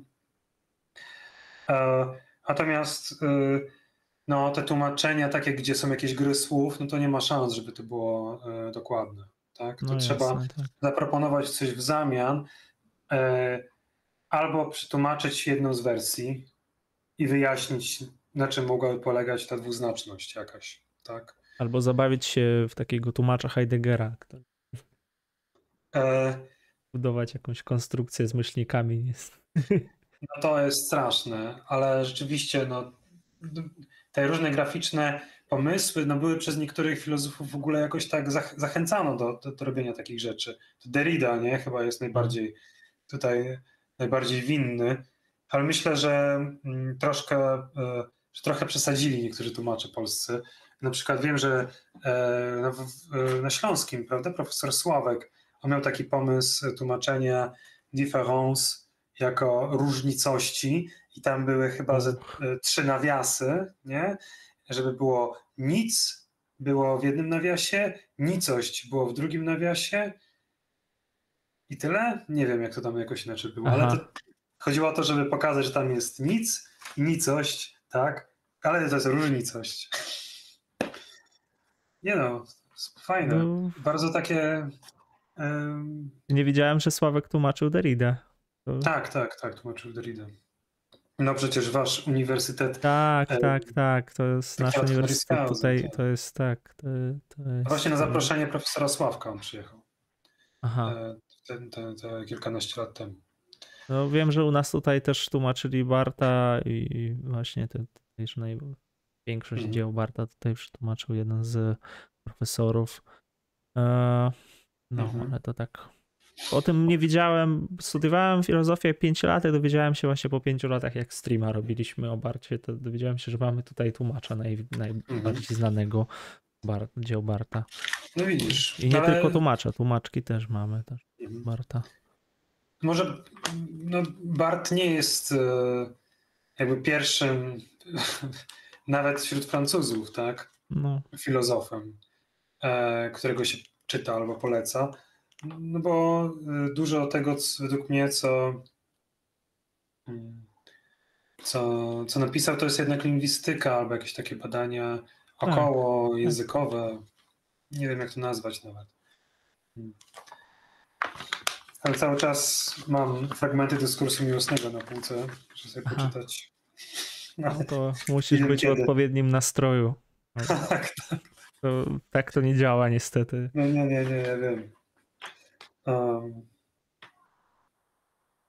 Dobrze, to wracając do tego tekstu. Uh, tam jest ten fragment. Uh, właśnie zacząłeś uh, mówić o tych maszynach, znaczy zaczęliśmy mówić o tych maszynach i dalej jest fragment, gdzie pojawia się kwestia e, tego, że Kartezjusz dostrzegał między teorią a praktyką związki, których mhm. filozoficzne znaczenie wydaje się nam istotne zarazem dla zrozumienia jego myśli i dla refleksji filozoficznej w ogóle. No właśnie, i dla refleksji filozoficznej w ogóle, nie? No to jest dużo, bardzo, nie, taki e, duże, mocne sformułowanie. Mhm. E, znaczy to jest interpretacja e, Von GMA, czy jak to można zrozumieć tutaj? Um, no tak, no bo on tutaj powiedział, wydaje nam się, no ja użyłem tego tej liczby mnogiej, tak jak on tam mówi, no to po prostu on jakby, to jest jego, jego statement, tak, że mhm. Zrozumieć e, dobrze myślę Kartezjusza, a właściwie chyba mm, można by powiedzieć jakiś taki e, jakby ducha Kartezjusza, tak. No nie chcę powiedzieć, że to są jakieś, prawda, trzecie żeglowanie Kartezjusza, ale to trochę tak brzmi. e, czyli no wiadomo, to co nie napisane jest najważniejsze, to co przemilczane. E, no ale tutaj trochę taka jest sugestia po prostu, że jeśli się e, weźmie taki może e, trochę traktowany po macoszemu temat, który u Kartezjusza się gdzieś tam pojawia, to nagle się okaże, że pewne problemy, Kartez, które są te właśnie z Kartezjuszem często łączone, może okażą się, okażą się nie tyle jaśniejsze, co jakoś ta różnica między nimi jest bardziej dookreślona, ja to tak rozumiem zazwyczaj. Hmm. Bo ja też nie wiem, czy ty miałeś takie doświadczenie, że ja w czasie studiów często słyszałem, że, że jest Kartezjusz filozof, jest Kartezjusz, prawda, naukowiec. To są w ogóle dwóch różnych facetów. Tak, tak, jak Pascal, czy nie wiem, kto tam jeszcze, Leibniz też. I, tak, tak, tak. Często się to mówi, nie? Że, że jak już jeden, jak już któryś z nich się właśnie wchodzi w buty e, albo filozofa, albo naukowca, to mamy do czynienia z jakąś po prostu woltą, prawda, o 180 stopni. A tutaj Kongiem mówi chyba tyle, że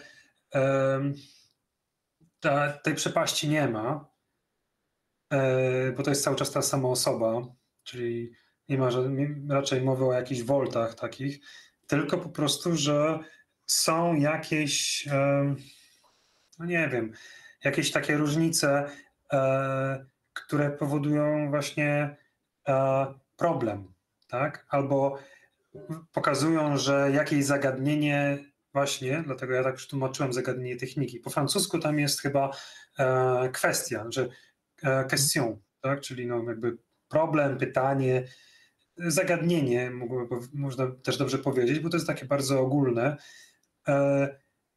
Ale tak, to jest jakby coś takiego, co jakby czytamy Kartezjusza i pojawia nam się pytanie, moment, moment, ty chcesz, żebyśmy byli nieśmiertelni, tak? Mówisz, że medycyna jest najważniejsza. To są jakby, medycyna to jest diagnostyka i zabiegi, tak? Czyli praktyka.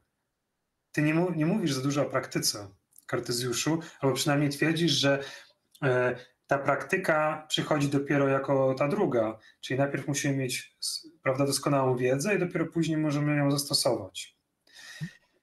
I tak, no. tak zresztą jest skonstruowana ta książka, tak jak mówiłem, ta dioptryka, tak? że najpierw jest teoria, a później jest ten rozdział o robieniu e, soczewek. No, dzisiaj wydaje się to takie oczywiste, ale tak gdyby się zastanowić, że e, od filozofii starożytnej się zaczyna takie mm, postrzeganie wiedzy, czy postrzeganie właśnie poznania jako tej kontemplacji po prostu, która ma być sama dla siebie, ma być tam bezinteresowna, jak u Arystotelesa i tak dalej. A tutaj mhm. jest zupełnie co innego. Tutaj właśnie wraca, tak jakby wraca takie nastawienie bardziej mm, użyteczne, nie wiem czy tak, tak można powiedzieć, e, które łączy teorię właśnie od razu z praktyką, żeby ta teoria mhm. miała swoje zastosowanie. Ja nie wiem, czy jeżeli teoria nie ma zastosowania, e, to mhm. czy to jest zła teoria w takim razie? No Kartezjusz chyba tego nie rozstrzyga. Nie, nie, nie, znaczy tak nie, jakby tak postawić sprawę, to można by, to wtedy e, robi się coś takiego, z czym na przykład Kongiem zawsze walczył. Mhm. To znaczy e, z czymś, co ja bym nazwał, no nie mam lepszego pomysłu, teraz mi to przyszło do głowy, z, że to jest jakby zły pragmatyzm. Tak jak mhm. jest zła nieskończoność, tak? to to jest ten zły pragmatyzm, dlatego że właśnie od, od skuteczności uzależniamy no jakby to, czy ta teoria e, jest, jest potrzebna nam do czegokolwiek, co może, czy tam to potrzebna, to znaczy, czy w ogóle warto ją formułować, nawet można by powiedzieć, tak? I, a drugi krok, jeszcze bardziej radykalny, był, byłby taki, mówiący, że ona, skoro nie jest użyteczna do czegokolwiek, to znaczy, że jest fałszywa. Mhm. Tak? Jeśli by powiedzieć coś takiego, to wtedy można by też dojść do. Mm, myślę, że można by powiedzieć, że jeśli nie jest potrzebna albo nie jest fałszywa, to jedno i to, to, nawet ta słabsza wersja, że nie jest nam, jeśli nie jest użyteczna, to się nim nie zajmujmy, to ona też prowadzi do takiego przekonania, na przykład, e, że e, filozofia akademicka jest niepotrzebna. Tak? To znaczy, że się nie, nie na, że jakby ci ci ludzie, co siedzą w, w, prawda, na uniwersytecie i tam zajmują się historią nauki, to są e, ostatnie darmozjady. E, I takie zresztą przecież opinie formułowano wobec filozofii w, w czasie protestów w 68 mhm. w Paryżu, tak, w maju. I to była trudna rzecz do przełknięcia dla, no bo on był jednym z mandarynów, tak, tych mandarynów, o których pisała E, Kulturowych w sensie. Słucham? Kulturowych takich mandarynów, tak, tak, tak, tak. Zasie, no ja, ja troszkę inne dzieło czytałem. E, nauczyciela Bourdieu, zapomniałem jak on ma nazwisko, on pisał właśnie, napisał książkę o tych niemieckich mandarynach e, i tam opisywał między innymi neokantystów i te lata e, koniec XIX, początek XX wieku i między innymi tam Heideggerowi się dostało. E, no tak, ale właśnie Heidegger to. Um, może nie będę, nie będę zaczynał o Heideggerze, bo ja mhm. no jasne. Że coś wiem więcej, ale, a,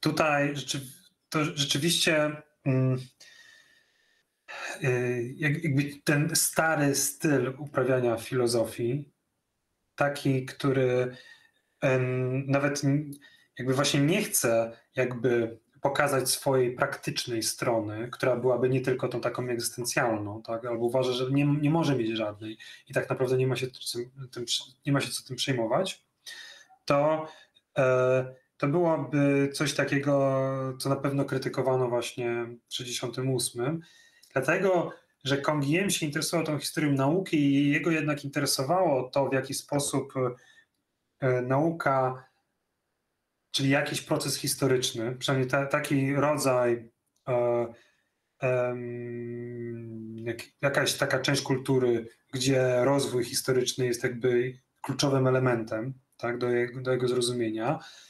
E, jego interesowało to, co się dzieje współcześnie, tak? czyli w jaki sposób jakby ten rozwój można do, doprowadzić do dzisiaj, jakie to ma konsekwencje dla nas. Więc jego tam trochę zostawiono. Mhm.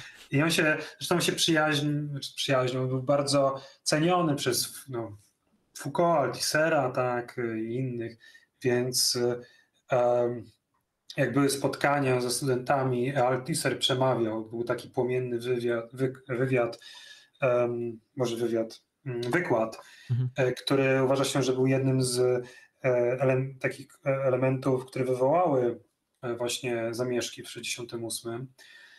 E, I to była na głównej sali w Sorbonie i on stał na katedrze, w katedrze i no, tam się mnóstwo ludzi tłoczyło, natomiast pod tablicą e, z tyłu siedział Kongiem.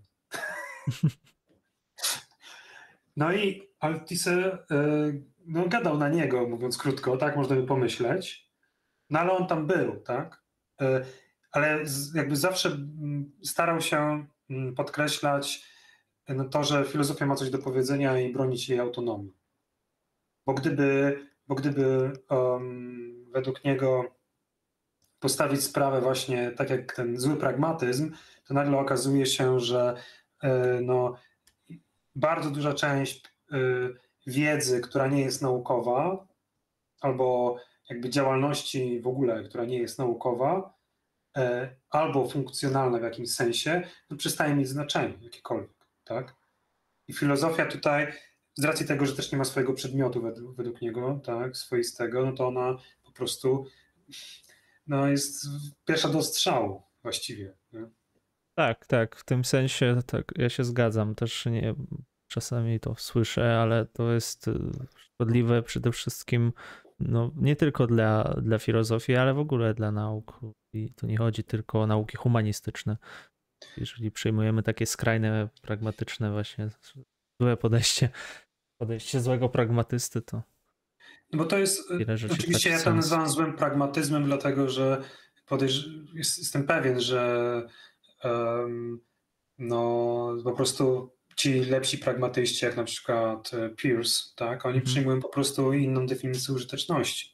Tak, tak, tak. Znaczy, no, to, podoba to mi się ten termin zły pragmatyzm, tak. bo mi się kojarzy ze złą wiarą od razu Sartra. tak. Trochę coś, coś w tym jest. Tak. Złej wiary.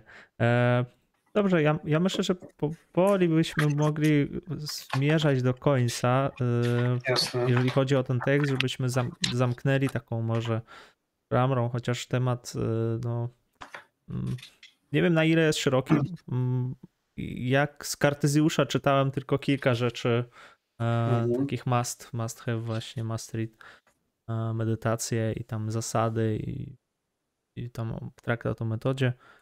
E, widzę. Mhm. Ja bym zakończył w ten sposób, um, e, że później dalsze, dalsza strona, chyba dwie, tutaj Kongiem jakby pokazuje właśnie, że e, taka wizja e,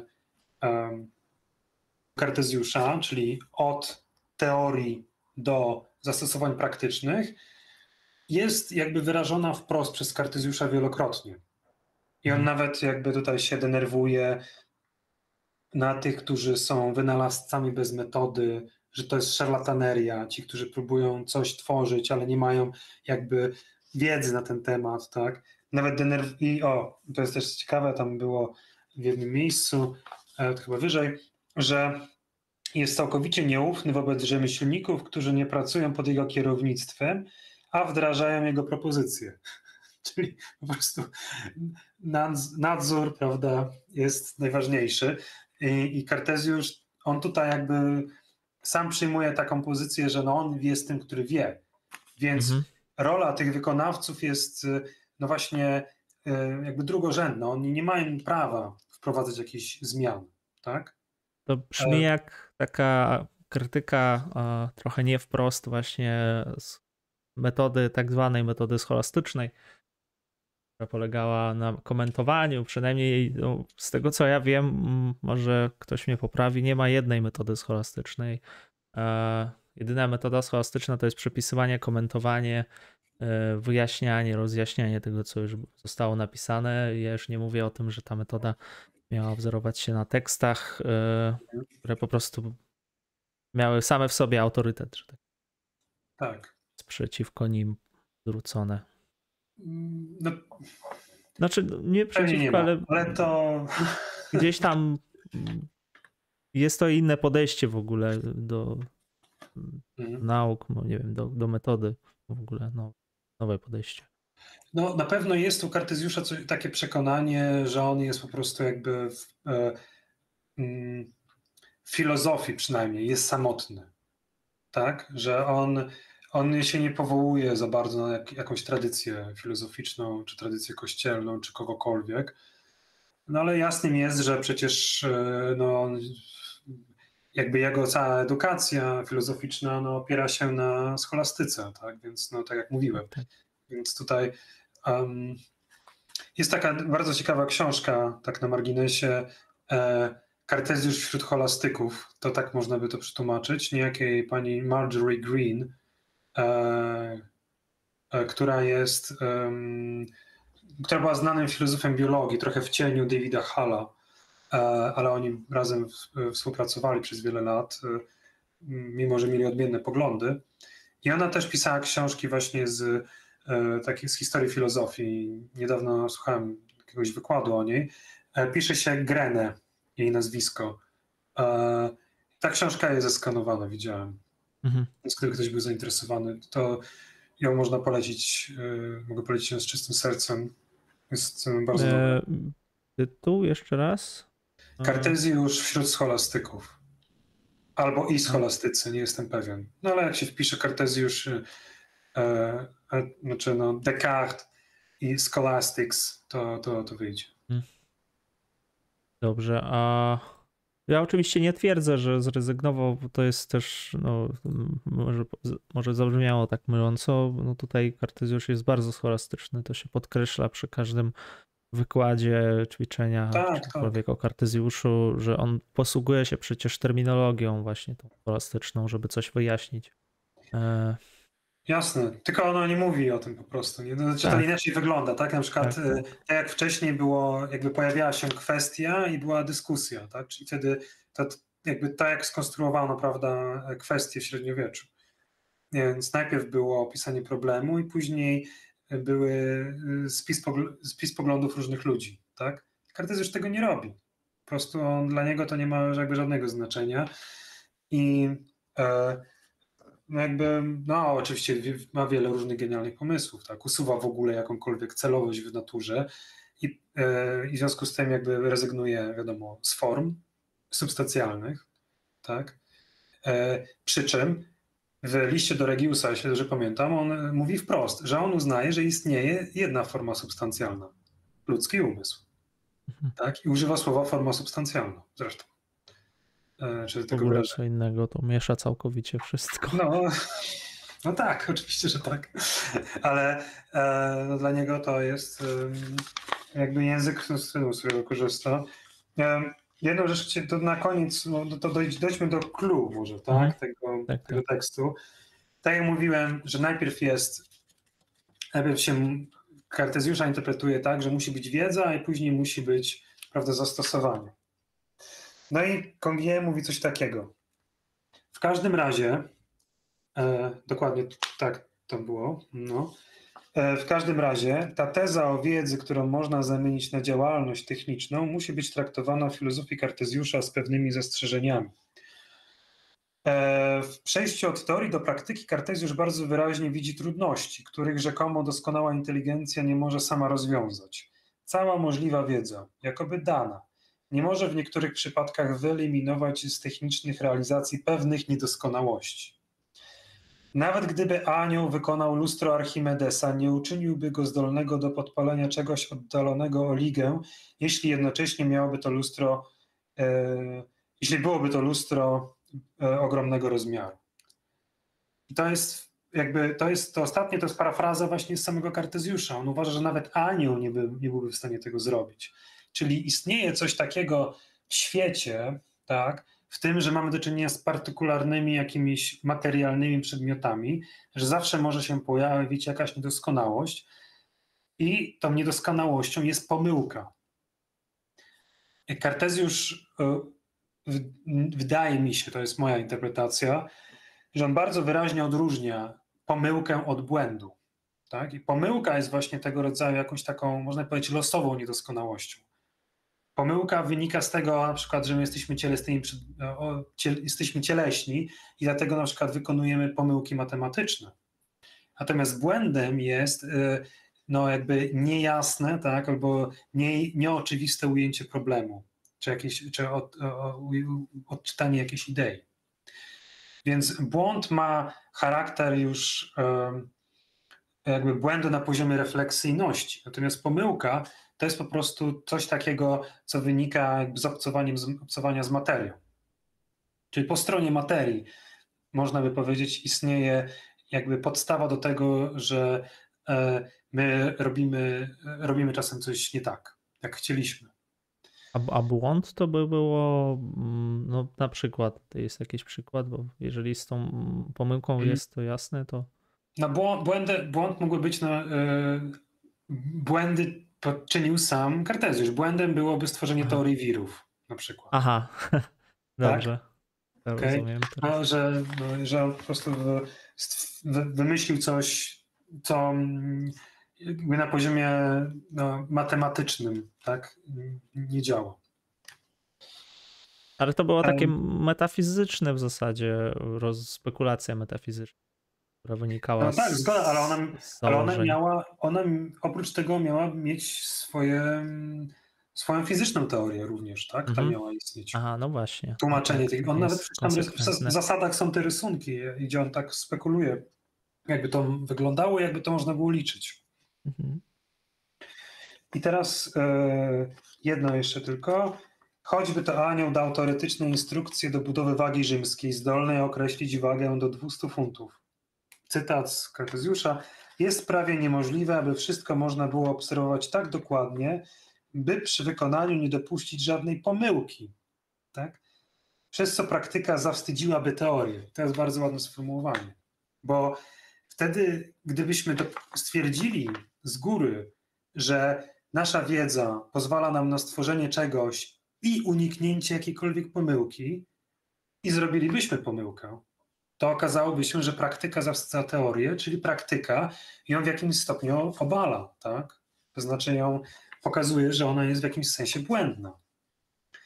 A, a tutaj chodzi o, chodzi o takiego rodzaju, że można, można oczywiście uznać, że jest błędna, ale ona będzie błędna na jakby na innym poziomie, tak? Nie zastosowania wiedzy, którą mamy, e, tylko e, polega, e, to byłaby ty, właśnie to, co nazywam pomyłką, czyli tego rodzaju jakiś e, em, problem dostrojenia, tak, e, tego, że materia jest nierówna, jakaś powierzchnia jest nierówna, że nie mamy, że właśnie ograniczałem nas jakieś możliwości techniczne.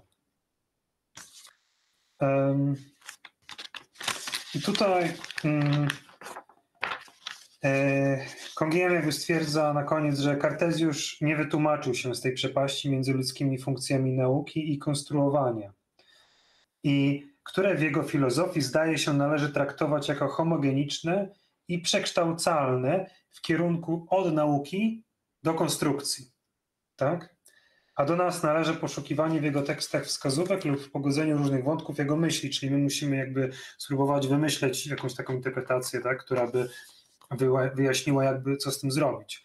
Bo Kartezjusz tutaj w tym w chwilę wcześniej mówi, że jakby skoro mamy problem tak, ze stosowaniem wiedzy przez to, że bo wykonujemy jakieś pomyłki, mamy jakiś problem z doskonałym stworzeniem przykład jakiegoś, jakiejś lunety, to zostaje nam metoda prób i błędów. Mhm. Tak? Czyli na, ostatecznie musimy i tak e, odwołać się do, do jakiejś takiej najprostszej po prostu metody praktycznej. To nie jest metoda naukowa, to on, tej metody on nie opisuje w żaden sposób, chociaż e, w regułach dotyczących działania ludzkiego umysłu, to jest niepublikowany tekst, który jest po polsku przetłumaczony, on tam próbuje, znaczy w zamierzeniu ten tekst miał jakby właśnie wymyśl, wyjaśnić, jak w pewnym sensie pogodzić tą, te problemy techniczne z wiedzą obiektywną. No ale to są tylko fragmenty z tego zostało. Bo ja też chyba nie, nie czytałem reguł, bo jedynie co tylko w słowach i rzeczach tam się odwołuje dużo do tak, tak, tego tak. tekstu. W ogóle bierze za jakiś wzorzec tekstu takiego oświeceniowego. To tak, tak, tak, jasne. Zresztą Zresztą to jest, um, śmiem twierdzić, no, pod wpływem Kongiema, no bo on mu mhm. dużo tych pomysłów, mam wrażenie, że podsunął. No, ostatnio słuchałem e, właśnie francuskiego profesora biologii e, na, w czasie jednego workshopu, w którym brałem udział i on powiedział, że jakby według, według jego interpretacji, jego przedstawienia tam problemu normalnego i patologicznego, z którą się zgadzam zupełnie, no to według niego jakby problem normalizacji, e, tak jak on go przedstawił, to właściwie jest e, u Foucault rozwinięty w pewnych aspektach takich e, charakterystycznych dla Foucault, ale to jest jakby konstrukcja wzięta z, z Conguillema wprost. Ja myślę, że zresztą Foucault tego w sumie nie ukrywał specjalnie, ale to no to trzeba by bardzo, ktoś musiałby być, prawda, ten fukologiem, żeby się tak, tak, tak, te tak, rzeczy. Tak. E, tak. Pewno. No. Tutaj e, jedno zdanie i myślę, że możemy kończyć. Mianowicie jest takie fajne jedno zdanie, które pokazuje, które jest, e, może być ciekawe dla, dla właśnie dla transhumanistów. Mm. E, Chyba wiem, o które chodzi, ale... Tak, nie? Tak jak Kartezjusz, gdy jego włosy zaczynają siwieć, odczuwa pilną potrzebę stworzenia niezawodnego lekarstwa.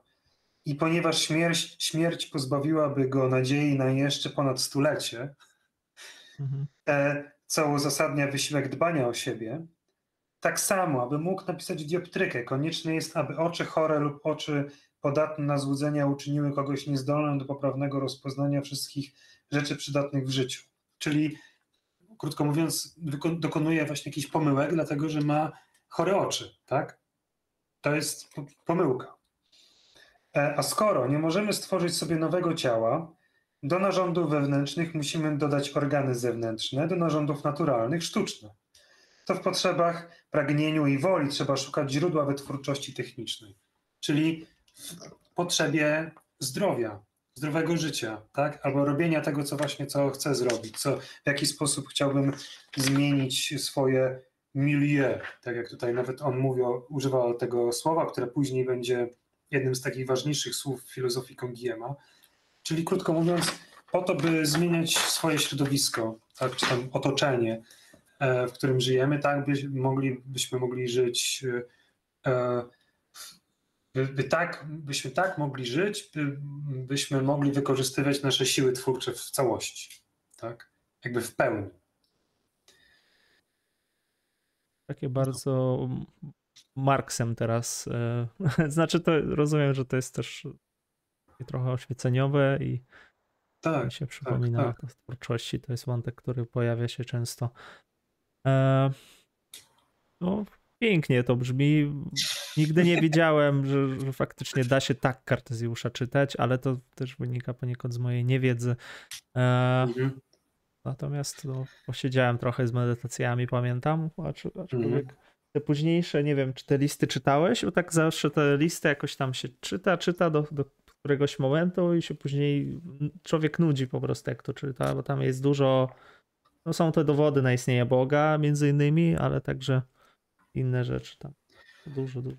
No do wykorzystania takiego dydaktycznego to chyba najfajniejsze są listy do Elżbiety, tak? No mhm. No bo e, i jej uwagi są dobre i też ten sposób e, pisania Kartezjusza do niej jest e, przyjemny, bo Kartezjusz raczej chyba nie był najprzyjemniejszą osobą. Um, czy tak? Taką też słyszałem opinię całkiem niedawno e, na konferencji. E, nie wiadomo, pewnie. Znaczy ja nie chcę się bawić w takie e, rzeczy, ale e, faktem jest, że on niekiedy unika odpowiedzi, tak?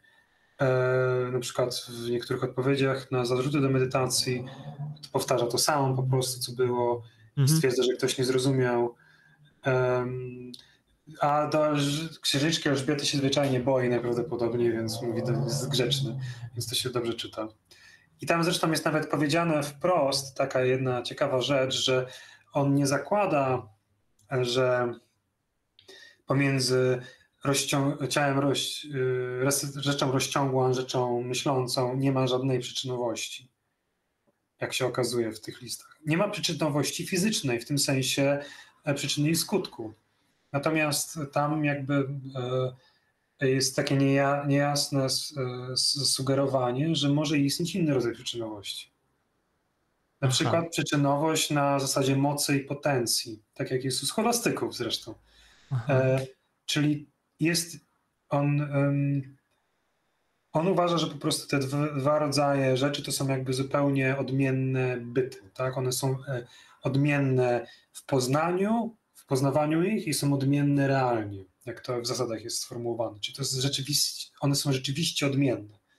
Moglibyśmy powiedzieć, że one są um, od siebie no, niezależne, tak, po prostu. Jakoś niezależne Y, jeśli patrzymy na to z punktu, jakby, z punktu widzenia e, przyczynowości panującej jakby w każdym z tych światów, tak? Bo przyczynowość w fizyce, e, w świecie, w świecie jest fizyczna, natomiast jakby przyczynowości w, w rzeczy myślącej nie ma jako takiej, tylko są zależności logiczne, prawda? No ale pomiędzy nimi no żadna z tych e, przyczynowości nie istnieje, ale może istnieć jakaś inna. Kartezjusz tego nie wyklucza wcale.